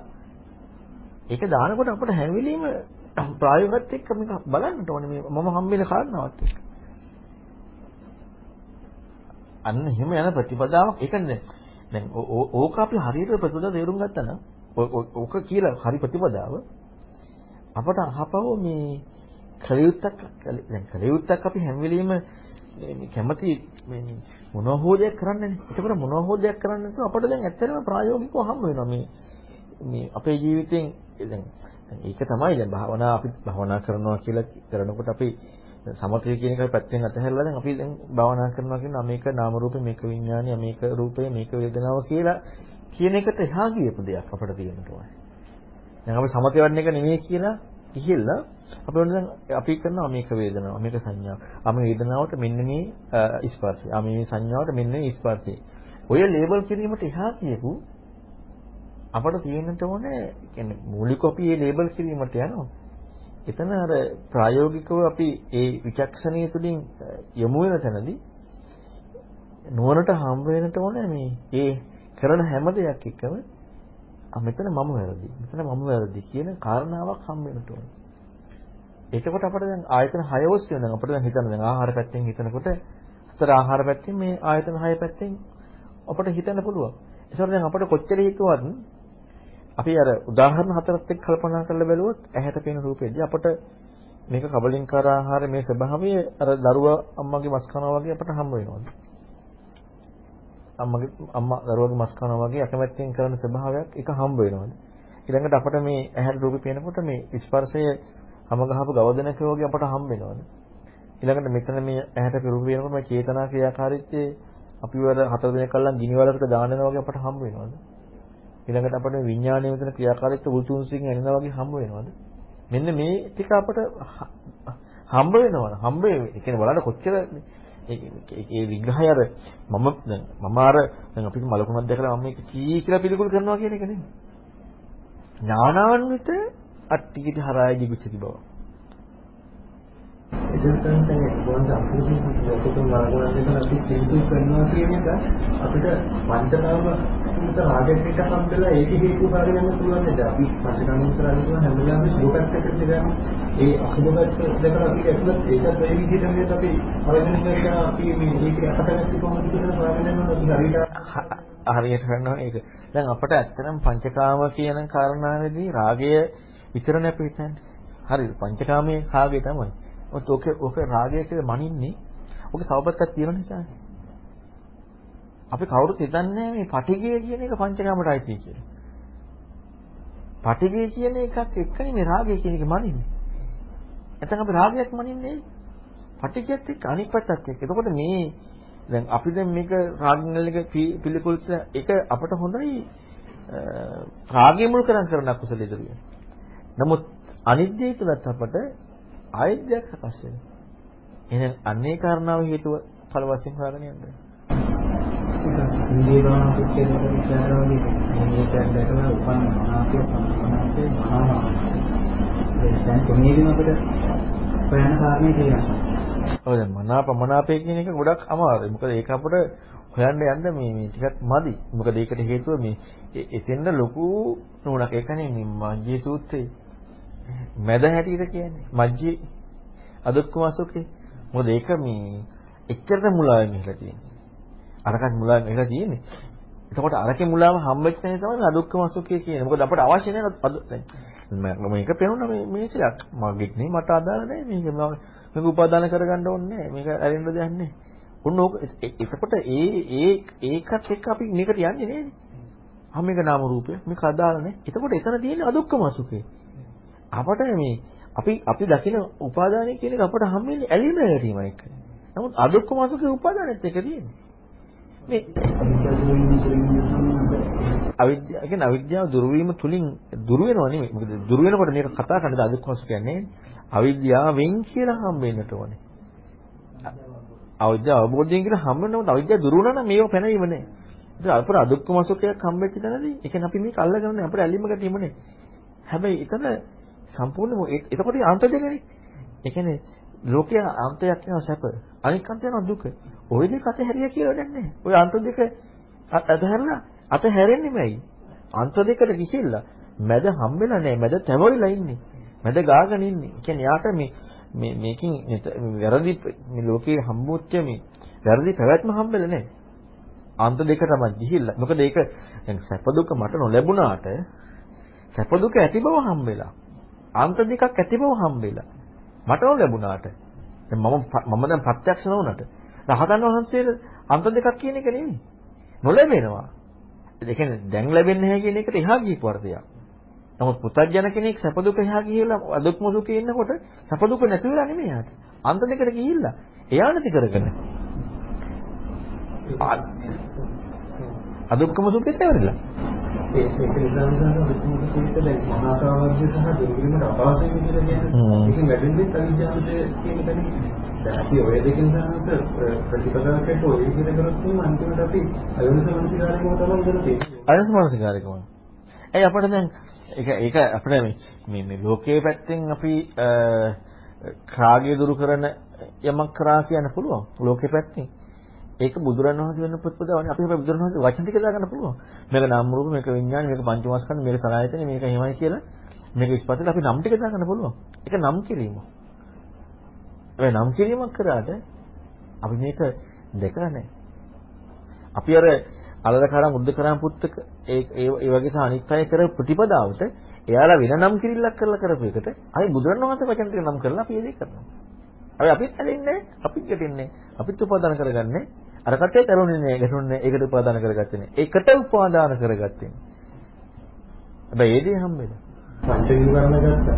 පංච නීවරණ වල හැම නීවරණයකටම විස්තර කරනවා නේද? උදාහරණයකට කාමච්ඡන්දේ ගත්තොත් එහෙම සුබ නිමිත්තයි අයෝනිසෝ මනසයි. ඒ විදිහට පටිච්ච නිමිත්තයි අයෝනිසෝ මනසයි. දැන් හැමදාම අපි ප්‍රතිපදාවකට කරන්නේ නැහැ අයෝනිසෝ මනසයි කරන්නේ සුබ නිමිති කියන දේ තමයි අපි පුදුම කරන්නේ. දුරු ගන්න හදන්නේ. එතකොට ඒ අයෝනිසෝ මනසයි තමයි. ආ දේශනා කරපු කරනවා නම් අපි හැමදාම අයෝනිසෝ මනසිකාරය කියන පැත්තෙන් තමයි ඒක. වඩාගෙනම තමයි පස්සේ කිරීම පැත්තට මම කියන්නේ. ලෝකෝත්තර මාර්ගය කියන්නේ ඔය දැන් ඇත්තට අපි අනුන්ගේ පැත්තෙන් බලන ප්‍රශ්නේ තියෙන්නේ. දැන් අපි අනුන්ගේ පැත්තෙන් අර පැත්තෙන් බලන්නේ. දැන් මේ පැත්තෙන් බලනකොට නිමිත්ත සුභ අසුභ තියෙන්නේ මේ පැත්තෙන් යෝනිසෝයනසිකත් එක්කනේ. දැන් අපි අරක අරක දුරු කරන්න හදනවා. අනුන්ගේ දේ. ඒකයි බුදුන් වහන්සේ ධර්මයේ මුලින්ම කියන්නේ තමා පැත්තට එන්න. තමා පැත්තට එනකොට තමාගෙන් ගන්න තියෙන්නේ. අන්න යෝනිසෝයනිසෝත් එක ප්‍රශ්නේ තියෙන්නේ. අපි යෝනිසෝයනිසෝ කියන එක බලන්නේ නැතුව අනුන් පැත්තෙන් මේක. දැන් අපි ඇත්තටම අනුන්ගේ වැරදි සමාජය හදන්න දන්නේ. අනුන්ගේ වැරදි හදලා සමාජය හදන්න දන්නේ. ඒ වගේම වැඩක් තමයි අපි මේ පැවැත්ම දුරු කරනවා කියලා මේ කරන්න හදන්නේ. අනුන්ගේ වැරදි ටික හදනවා. ඒ කියන්නේ අපිට මේ බාහිරට එන දේ දුරු කරන්න හදන්නේ. ඊළඟට හැබැයි අපි හරියට තමන්ගේ පැත්තට ආවොත් හරියට තමන්ගේ පැත්තට ආවොත් තමන්ගේ වැරද්දමයි තමයි. දැන් අපි ලෝකයේ පැත්තෙන් ගත්තත් කර්ම කර කර යන්නේ තමන් වැරද්දින්නේ. ඒ තමන්ගේ වැරද්ද. මෙතන තමන් වැරදි. මම කියලා ගැනීම වැරද්දක්. අන්නතර ප්‍රඥාවට මේක හම්බ. ඉතල බලන්නේ හැම මේ ලෝකේ පැව අපි හිතමු සසර යන අපි මේ පිනපව විපාක දෙන එකත්. අවිද්‍යාවෙන් උක්ත මේ යන හැම දෙයකම තියෙන්නේ මේ කාලවත් වැරද්දක් නෑ. වැරද්ද හැම එකම තමයි. ඔය අසතර ආහාරයට ගලපලා බැලුවොත් එහෙම ආයිත් අපි වඩලා තියෙන්නේ සත්‍යයේ පැවැත්මකට ආහාරයක් තමයි වඩලා තියෙන්නේ අයුෂ මනසිකාරී නිසා ආහාරය කරන්නේ. ඔව්. ආහාර කියන්නේ. හ්ම්. මට ආහාරය තමයි මේ සකස් වෙන්නේ. ඒ නිසා නැවත මේ හදගත් සත්‍යයේ පැවැත්ම ඒක ඇත්තටම අපි මේ මේ කර්මයේ කියන කාරණාව දැන් අපි හැමෝම අපි දැන් බලන්න කතා කරන අපි හැමෝගෙම කතා කරන අපි හැමෝම කැමති නේද? ඔන්න ඔය කියපු කාරණාව මම දකින්න ඕනේ කියන එක. ඕකට අපි කැමැත්තක් තියෙනවා. ඔතනම සක්කාය දිට්ඨිය. ඇයි ඒකට හේතුව? ඇයි එච්චරටම අපි තවත් මම ඉන්නවනේ. ඇයි දැන් මේක දකින්න කොහොම හරි මම මේක දැකලා සක්කාය දුරු කරන්න ඕනේ. ඇයි මම ඉන්නවනේ. හැබැයි අපි මේ කරන වැඩේ තුළින් සක්කාය දිට්ඨිය දිනු වෙනවා කියන්නේ. දැන් මේ අපි කරන දේමයි ප්‍රතිපදාව කියලා අපිට හිතෙන්නේ. ඒකට දැන් අපි මේ දැන් මේ අපි කට එකතු කරලා මේ කරන්නේ මොකද්ද? දැන් යෝනිස මනසිකාරට කරවන්නේ කරන්නේ. අපි ඒ පැත්තකට ගිහලා දැන් මේ මේක තේරුම් ගත්තාද මම කොහොමද දැකලා කරන්න හදන්නේ? යෝනිසෝ මනසිකාරයේ කිරීම සඳහා පිළිපන් පටන් ගන්න පුජ්‍යලයා. හැබැයි පුජ්‍යලයා පටන් අරගෙන යෝනිසෝ මනසිකාරයේ කිරීම තුළින් දැකීම සඳහා යොමු වන්නේ සත්‍ය දැකීම කියන තැනට තමයි යොමු වන්නේ. හැබැයි සත්‍ය දකින්න යනකොට යම් මොහොතක යාර විදිහට මම තමයි මේක දකින්න යන්නේ කියලා එතනින්ම යෝනිසෝ මනසිකාරය ඉවරයි. ඉවරයි. ඒක දැන් ඒක තමයි මොකටද වෙන්නේ දැන් බාලිගතෝම සූත්‍රයේ බුදුහාමුදුරුවෝ උපමාවට හ්ම්. දැන් වැයෙන් රහින එක කරන්නේ හැබැයි මිට ගෙවෙන එක තමයි ප්‍රතිපදේ ඔව්. දැන් මෙතන යෝනිසෝ මනසිකාරය තමයි ප්‍රත්‍යක්ෂික සකස් කරන යෝනිසෝ මනසිකාරය වැඩෙද්දි අනිත් පැත්තේ ප්‍රඥාව වැඩි. සාරික දෘෂ්ටික දුර වෙලා යනවා. අපි ආයේ බලෙන් කරන දෙයක් නැහැ. මොකද බලෙන් කරනවා මම ඉන්නවනේ. දැන් අපි දැන් මෙහෙම කියනකොට දැන් කෙනෙකුට එතන පුළුවන් නේ. දැන් කරන්න දෙයක් නැද්ද කියලා. එතකොට දැන් අපි මේ මේ දැන් අපිට හරිය පුදුම අර අපි අපි අපි මේ හැදිලා තියෙනවා සමාජය තුළ මේ අර අතීතයේ හිටපු අය වගේ අපි මේ අර ගොඩාක් භාවනා කරනවා කියන්නේ භාවනා කරන අපි කරන්න ඕනේ නැහැ කියන එක නෙමෙයි. නමුත් ඒ මේ ධර්මයේ නිර්වුල් කරගෙන බුදුරණවහන්සේ කියපු දේ කරන්න ඕනේ කියන කාරණාව හරියටම අපි බැලුවොත් එහෙම අපට භාවනාවක් හැටියට කියන්නේ අපි පැත්තකට පුරුදු කරන දෙයක් හැටියට අපි දැන් අපි ලෝකේ කතා කරන භාවනාවක් හැටියට වඩන්න පුළුවන් බුදුරන් වහන්සේ කියපු දේ සෝතපන්න යන විතරයි. එතනින් මෙහෙම කරන්න බෑ. ඔය එතනින් මෙහෙම දෙයක් කරන්නේ වෙන කෙනෙක් කවුරු හරි කියපු දෙයක් වඩන්නේ. සෝතපන්න වෙච්ච කෙනාට විතරයි මේ මේ යමක් කරන්න පුළුවන්. ඔව් සැසින් සක්කදිට්ඨි කැටිච්ච කෙනාට මේ ඇත්තද ඇත්ත ඇත්ත දකින්න ඇහැක් ඕනේනේ. දැන් අපි දකින්න අපි මනසනේ වඩන්නේ. ඇත්ත දැන් බුදුරණවහන්සේ නේ ඇත්ත දකින්නනේ. ඉතින් ඒකට ඇහැක් ඕනේ. ඒ හැ තමයි ප්‍රඥාව. එහෙනම් ඒ ප්‍රඥාව හැ ඇති වෙච්ච කෙනාට දකින්න පුළුවන් ඒක. ඒක සතරපතරේ ඉදවික්ක වේදිකු කියන දැන් ඉන්නේ මේ මේ ප්‍රතිපදාව කරන්නේ මේ ශාසනයේ වික්ෂුව මෙහිලා මේ ශාසනයේ වික්ෂුව. ඒ එතකොට ඇත්තටම මේ අපි දැන් දැන් සාමාන්‍ය ස්වභාවයෙන් අපිට ඉස්සරලාම එන එන කාරණාව ඔක්කොටම සාධාරණයි.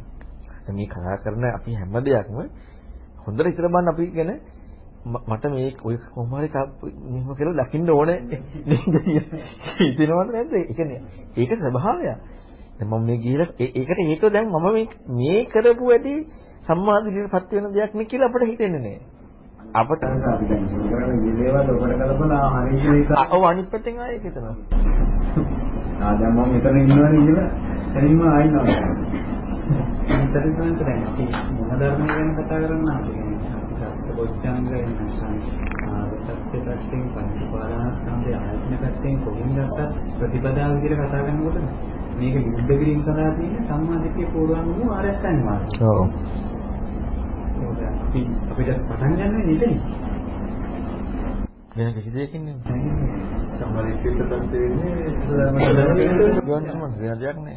අපි රූපේ දුරු කරන්න ගියත් අපි පංච උපාදානස්කන්ධය හොයන්න ගියත් අපි ආහාර හොයන්න ගියත් බොජ්ජංග ධර්ම හොයන්න ගියත් අපිට අතරින් වටන් පටන් ගන්න. අහන්න දැන් බලන්නකෝ. දැන් අපට ওই දේ කරන්න බෑ සිත එකඟ වෙන්නට ඕනේ. හරියට කරනකොට සිහිය එන්නට ඕනේ. දැන් බලන්න ඔය කට්ටිය ගැන කල්පනා කරලා හරියට මේකට අවධානය යොමු වෙන තැනදී. හරියට මේ කරන දේට අවධානය යොමු වෙන තැනදී අනිත් දේවල් එක හිතෙනවද කියලා? අනිත් දේවල් කල්පනා වෙනවද? අනිත් දේවල් ඇහෙනවද කියලා? සමහරවිට මේකේ දැන් මට ඕන සද්ද එහෙම අවධානය යොමු කරන්න පස්සේ. ඔව්. එතකොට එනවා දැන් 100ක් යමුලා නැද්ද කියලා? එතන සිතේ යම් එකක වාගේ නැද්ද කියලා? දැන් අපි කතා කරනවා අපට මේ මේක විතරකයක් විතරයි කියලා. එතකොට එහෙනම් අපට සම්පූර්ණයෙන් මේ යෝනිසෝ මනසිකාරය කියන කාරණාව ඇති වෙන තැනදී සිහියත් සමාධියත් කියන මේ කාරණා ඔක්කොම ඇති වෙනවා. අනිත් එක දැන් අවංකව බලන්න අපිට සමහරලාවට දැන් මේ කියපු කාරණා නොගැලපෙනකොට අපිට හිතන්න ඕනේ අපිට දැන් අපි තුලින්ම මේක හිතන්න ඕනේ කියන්නේ දැන් අපි දැන් ඉඳගෙන කයින් දැඩි කරන වීර්යයක් නෙවෙයි අපිට මේ මේක දැන් මේක තේරුම් ගන්න ඕනේ මේක කොහොමද කියලා අපි හිතන්න කැමැත්තක්. ඒක එතන වීර්යයක් යොමු වෙනවා. එතකොට මෙන්න අපි අපි කැමති නෑ ඔන්න ඔය ඔය වෙන වෙන දෙයට මේ අපි මේ සම්මාදිට්ඨියට උපකාර කරන දෙයක් නෙමෙයි කරන්නේ කියන කාරණාවට අපි හිතන්න කැමති නෑ. ඒ කියන්නේ අපි එතනින් වැඩෙන දෙයකට සතුටු වෙන්න කැමති නෑ. අපි හැබැයි මේ ඊට වඩා අර මට දෙයක් ගන්න නෑ. මෙතන අපිට මට දෙයක් හම්බුනා කියලා හම්බෙන්නේ නෑ. මොකද මට ඔන්න ලොකුවට ප්‍රීතියක් හම්බුන්නේ නෑ. දැන් අපිට සිත එකඟ වෙලා කයස හැල්ල වෙලා ලොකු එහෙම දෙයක් හම්බුන්නේ ඊළඟට මේ මේ මේ අර කෙලෙස් නැහැ කියලා එහෙම මොකද හම්බුන්නේ දැන් අපි කැමති ඒ වගේ දෙයක් කරන්නේ. ඒ නිසා අපිට අර ඒකට එච්චර ලකුණක් ඒ කියන්නේ ඒකට එච්චර කැමැත්තක් නෑ. අපි අර දෙයකට ලොකු කැමැත්තක් තියෙනවා. නමුත් ඒක අපි බුදුරණවහන්සේ පෙන්නපු මාර්ගයත් එක්ක අර අපි කැමති වෙන දේ ලැබෙන්නට නම් එක්ක අනාගාමී වෙන්න ඕනේ එක්ක රහත් වෙන්න ඕනේ. රහතන් වහන්සේට කතා කරන දෙයක් නේ. අනිත් දේ අපි ධර්මයත් එක්ක කතා කරනකොට අපට මේක නිරවුල් කරගන්න ඒ අපේ මූලාරම්භයට අපි කතා කරනකොට මේ කරන වෙන දෙයක් නෙමෙයි කතා කරන්නේ. ඒක ඉක්මනට හදනවා නම් ඒක අශ්‍රද්ධාවකින් තමයි අපි උත්සාහ කරන්නේ. අසද්ධාව. ඉතින් අපි මේ දැන් බුදුරණවහන්සේ මේ කියන්නේ කියපු දේ අපි බුදුරණවහන්සේ දෙයට යමු නෙමෙයි තියෙන්නේ. බුදුරණවහන්සේ දෙයට යමු අපි බුදුරණවහන්සේ කියපු දෙයට යමු වෙන්නට ඕනේ. දැන් හැබැයි දැන් ඒකෙදි දැන් දැන් ඒකෙදි කියවෙන්නේ නැහැ ආදුස්සීල වෙන්න. ආ මේ දැන් මේ හිත වික්ෂිත කරන එක එක හිත හිතා ඉන්න කියලා එතනින් කියවෙන්නේ නැහැ. කොහොමද දැන් මෙතෙන් යොමු වෙන තැනදී එයාගේ ස්වභාවයෙන්ම ඒ ස්වභාවය අයින් වෙලා යනවනේ. දැන් අපි කවුරුත් ඒ විදිහට යමුනේ නැහැනේ. එතකොට ඒක ස්වභාවයක්. දැන් අපි බලෙන් ওই දේ කරන කළ පමණින් මේක හම්බෙන්නේ නැහැ. හැබැයි මේක හරියට කරගෙන යනවනම් අර සියල්ලක්ම හම්බෙනවා.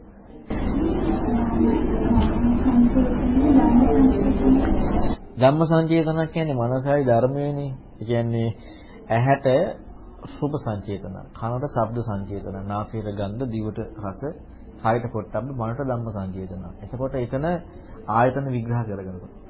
මනෝ සංචේතන විග්‍රහ කරද්දී මනස විතරක් නෙමෙයි විග්‍රහ කරන්නේ.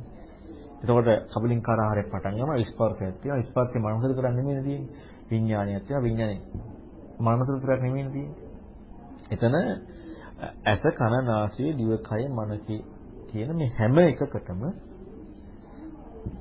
දැන් අපි හිතමු මේ මේක පේනකොට වතුර බෝතලයක් කියලා හම්බෙලානේ. ඒතර වතුර බෝතලයක් කියලා හම්බුණා කියලා කියන්නේ මට රූපයක් ඇති වෙලා මට මම ඉඳලා රූපයක් ඇති වෙලා මේ රූපය මොකද්ද වතුර බෝතලයක්. එතකොට මේක මේ මගේ ප්‍රඥාවක් නේ. දැන් මට අම්මා තාත්තට භාර්යාව මට අම්මා දකිනකොට ආ මේ කාන්තාවක් ආ මේ කාන්තාවගේ මේ මේ ටික ආ මේ කාන්තාවගේ මේ මේ ටිකෙන් මගේ අම්මා හම්බ වෙනවා කියලා හම්බෙන්නේ නැහැ. දකිනකොට අම්මනේ. එතකොට මේ ඇහෙන් දැක්කේ ගමම්ම අම්මා. එතකොට මනෝ සංචේතනාව ක්‍රියාත්මක කියලා තියෙනවා. කන ශබ්ද ඇහෙනකොටම ඒ මනෝ සංචේතනාව. නාසයට අග්‍රහණයකට මනෝ සංචේතනාව.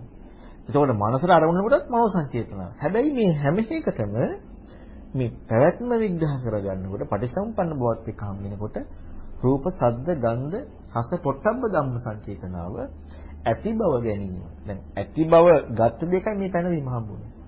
ඇති බව ගැනීම කියන කාරණාව මූලිකව ඒ කියන්නේ දැන් අපි ඔය අපි ඇත්තටම යම් වචනයක් දාන්න යන තැනදීම අපට මූලිකව කියලා සහ ඊට පස්සේ කියලා අපිට හම්බ වෙනවනේ.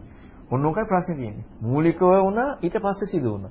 ඔය අපිට කාලත්‍රයකට හැම වෙලෙම බෙදෙනවා. නමුත් අපිට විග්‍රහ කරනකොට අපිට මේ යම් පැහැදිලි කිරීමක් කරගන්න වෙනවා. නමුත් ඒකෙන් කියන්නේ ඔව් තේරෙන්නේ. නමුත් මේකෙන් කියන්නේ මූලිකව වෙලා ඊට පස්සේ අනිත් එක වෙනවා කියන කාරණාව නෙමෙයි. ධම්ම සංචේතනාව මනසට විතරයි. මනෝ සංචේතනාව හයටම පොදුයි. මෙහෙම අපිට ඇත්තටම ඇසර උඹ කන කොහොමද ධම්ම සංචේතනාව ඇහැට කනට නාසය දිවට කයට හම්බෙන්නේ නැහැ ඇසට කනට නාසයට දිවට කයට ධම්ම සංචේතනාව හම්බෙන්නේ එක මනට හම්බෙන්නේ. ඇහැට කනට නාසය දිවට කයට හම්බෙනවා මනෝ සංචේතනාව මනටත් හම්බෙනවා. හයටම හම්බෙනවා මනෝ සංචේතනාව හැබැයි ධම්ම සංචේතනාව ඇහැට හම්බෙන්නේ නැහැ අන්න නානත්වේ කාමයන්ගේ නානත්වේ එනකොට ඔන්න මේ රූප සංචේතනාවත් එක්ක නානත්වය.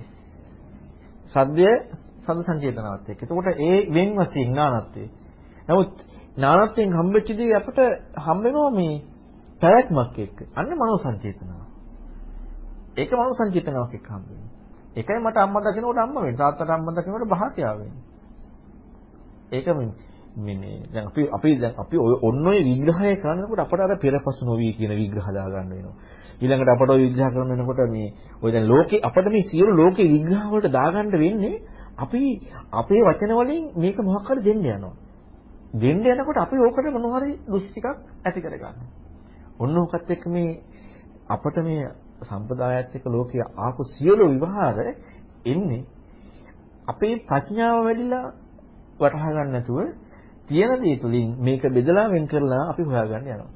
එතකොට වෙන්නේ දිගටම ප්‍රතිරූපකයක් යනවා. ආනි හැදියට සද්දය යනවා. හැබැයි මේක අපේ වැඩිලා අපි තේරුම් ගන්න යන තැනදී ඒකමයි තියෙන්නේ වෙන දෙයක් නෙමෙයි. හැබැයි මේක නොවැඩි අපි ප්‍රඥාව නොවැඩි තේරුම් ගන්න යද්දී අපට අනිවාර්යෙන් ප්‍රතිරූපකයකට යන්න වෙනවා. ඒක සමහර දැන් අර ධාතුනාත් ධාතු සංයුක්ත කියන සූත්‍රයක සංවිස්තර කරනවා දැන් ධාතුනානත්තම් විස්තරේ පටිච්චසමුප්පාද සංඥානාත් සංඥානාත්තම් පටිච්චසමුප්පාදති සංකප්පනාත් ඔහොම කියලා? පටිච්චසමුප්පාද ටිකකට තමයි මේ ලාභනානත්තම් එක විස්තර කරන්නේ. එතකොට දැන් අර මේ බෝධරේ දැක්කා කියන එකේ මේ ධාතුනානත්තත් එක්ක ධාතුනානත්තේම පටිච්චසමුප්පාද කියන අපිට පාලනය කරන්න බෑනේ. එතකොට අර අපි මේක මේ මේ ඉදී තියනවා යමක් මේක ඊට පස්සේ මේ පොළ පාටෙන් දිමයි මෙහෙමයි කියලා බෝතලේ කියලා දාගත්තා නෙමෙයි ධාතු නානත්වය හටගත්තන යන තැනක එතන ධාතු නානත්වය හටගෙනම ඒක පරිසම්පාද විදිහට මේක තේරුම් ගන්න ඕනේ. ඒක පාල පාලස් කරන්නේ යම් කිසි දෙයක ධාතු නානත්වයක් තියෙනවා කියලා අපි යොදාගත්තා නම් බෙදලි කරලා එතන ධාතු නානත්වය හටගෙනම තමයි තියෙන්නේ. ඉතින් ආයෙත් මේකත් ඒ වගේ. දැන් අපි තුමු මහානිදාන සූත්‍රය අපි ගත්තොත් දැන් අර ප්‍රත්‍යයෙන් උපදින බව කතා කරන තනයි අපි තුමු දැන් උන අපි ගහ ගන්නවා කියලා කට්ටියකද. ඔතෙන්ද කලබලකොට අර කරන ඔක්කොම ප්‍රත්‍ය වෙලා. දැන් අපිට ගහ ගන්නවා බැන ගන්නවා කියලා ගියොත් එහෙම ඔයකට අර සියල්ලම ප්‍රත්‍ය වෙලා. දැන් හම්බෙච්ච කාරණාවනේ. එතකොට මේ හම්බෙන කාරණාව අතර පස්සේ අර සියලුම ප්‍රත්‍ය වෙලා තියෙනවා. ඒකයි පටිච්චසමුප්පාද න්‍යායත් කලබල ගලබල බලන්නේ. මේ සතර ආහාරය ගන්නත් මේ සතර ආහාරයත් එක්ක සම්බන්ධයක් තියෙනවා සතර හදිපස්සන්නේ කයන වේදනා ඒ ඒ අවශ්‍යකන්නේ කබලින් කර ආදී කායපස්සනාවෙන් තේරුම් ගත යුතු හිමුණ හරි විග්‍රහ බුදුහාමුදුරුවෝ විස්තර කරනවා කියලා නැහැ. හැබැයි මම හිතන්නේත් නැහැ. මොකද ඒක හේතුව දැන් අපිට ටිකක් ගැළපෙනවා ස්පර්ශ වේදන පස්සනාවට ධම්මහස චිත්තාන පස්සනාව වැටහෙනවා. මනෝ සංචේතනාව. විඥානාහාරය. ඒ ධම්මානුපස්සනාව. එතකොට එතන ධර්මයන් අපි ඇටියට කතා කරන්නේ නීවරණයි එක්කනේ. දැන් අතන බොජ්ජංග සියලු දේවල් එක්කක් තියෙනවනේ. එතකොට දැන් මෙතන අපට යම් කිසි විදිහකට අපි යමක් කතා කරන්න පුළුවන්. නමුත් බුදුරජාන් වහන්සේ කියපු නැති නිසා දැන් අපි පංච පංචපාස්කන්ධය ගැන හතර ආහාරත හැරලා පංචපාස්කන්ධය ගැනදී අපි මොහක් හරි එකක් කතා හරිමු සංඥාව සංඥාව තැරෙන නම් ওই හතරම ආයෙ හම්බ වෙනවනේ. රූපයයි වේදනාවයි චේතනාවයි විඥානයයි. එතකොට හතර හම්බ වෙනවා. එතකොට සංඥාවත් හැරියොත් එහෙම. එතන රූපය වේදනානුපස්සනාවට වේදනාව කායනුපස්සනාවට වේදනාව වේදනානුපස්සනාවට විඥානයේ චේතනුපස්සනාවට චිත්තනුපස්සනාවට චේතනාව ධම්මානුපස්සනාවට කියලා එතනත් දාගන්න පුළුවන්. එතකොට මේ ඔතන විග්‍රහ කරලා තියෙන්නේ කයක් හැතයි කියලා හම්බෙච්ච ලෝකයේ ගෝචර භාවයනේ. එතන මේ ගෝචර වෙන දේ තියෙන්නේ පුජ්‍යලියටනේ. පුජ්‍යලිය හම්බ වුණේම පටිසමුප්පාද නොදකපු නිසාමනේ. එහෙනම් උත්තරෝයේ ක්‍රියාකාරීත්වයේ තියෙන තැනදීම මේ ආහාර ප්‍රත්‍යයෙන් හටනොගත්ත බව නොදකපු නිසා පුජ්‍යලට ගෝචර වෙච්ච දෙයක්.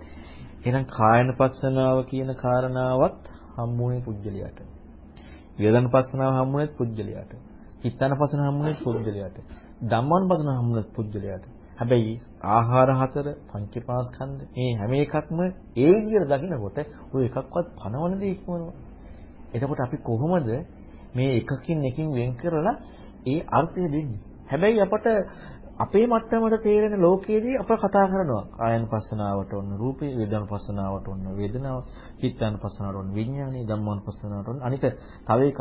පංචපාස්කන්ධයේදී ප්‍රබලව අපි කතා කරන දේ චේතනාව නෙමෙයි විඥානේ පංචපාස්කන්ධයේ විඥානේ මොකද විඥාන තමයි බීජේ එතකොට නමුත් සතිපට්ඨානය අපි කතා කරනකොට අපේ සතිපට්ඨානයේ අවසානට කතා කරන්න තියෙන්නේ ධම්මන පස්සනාව චිත්තන පස්සනාව නෙමෙයි එතකොට දැන් අපි දැන් ඒ දෙකෙන් එක කතා කරලා බැලුවත් පංචපාස්කන්ධය සහ ආහාරවල මේ හැම එකම විඥානය ප්‍රබල වෙලා තියෙන්නේ.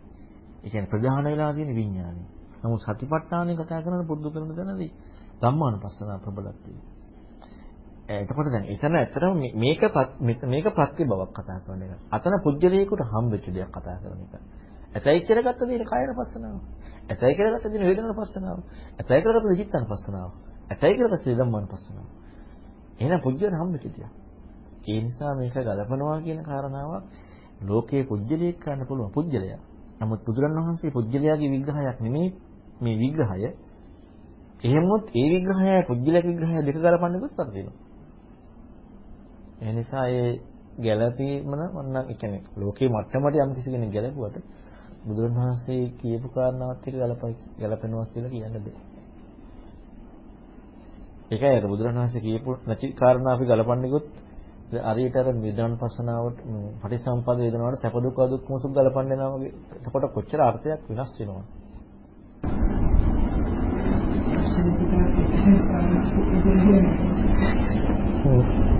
තේරෙන්නේ එක නෙමෙයි හිතන එක දැන් තේරෙන දේ අපි දාගන්න එක හරි. නමුත් අපි හිතන හිතන්න පෙළඹෙනවා. එතකොට අපි යෝනිසෝමනසිකාරයක් කරනවා. අන්න ඒක තමයි මාර්ගයට හේතු වෙන්නේ.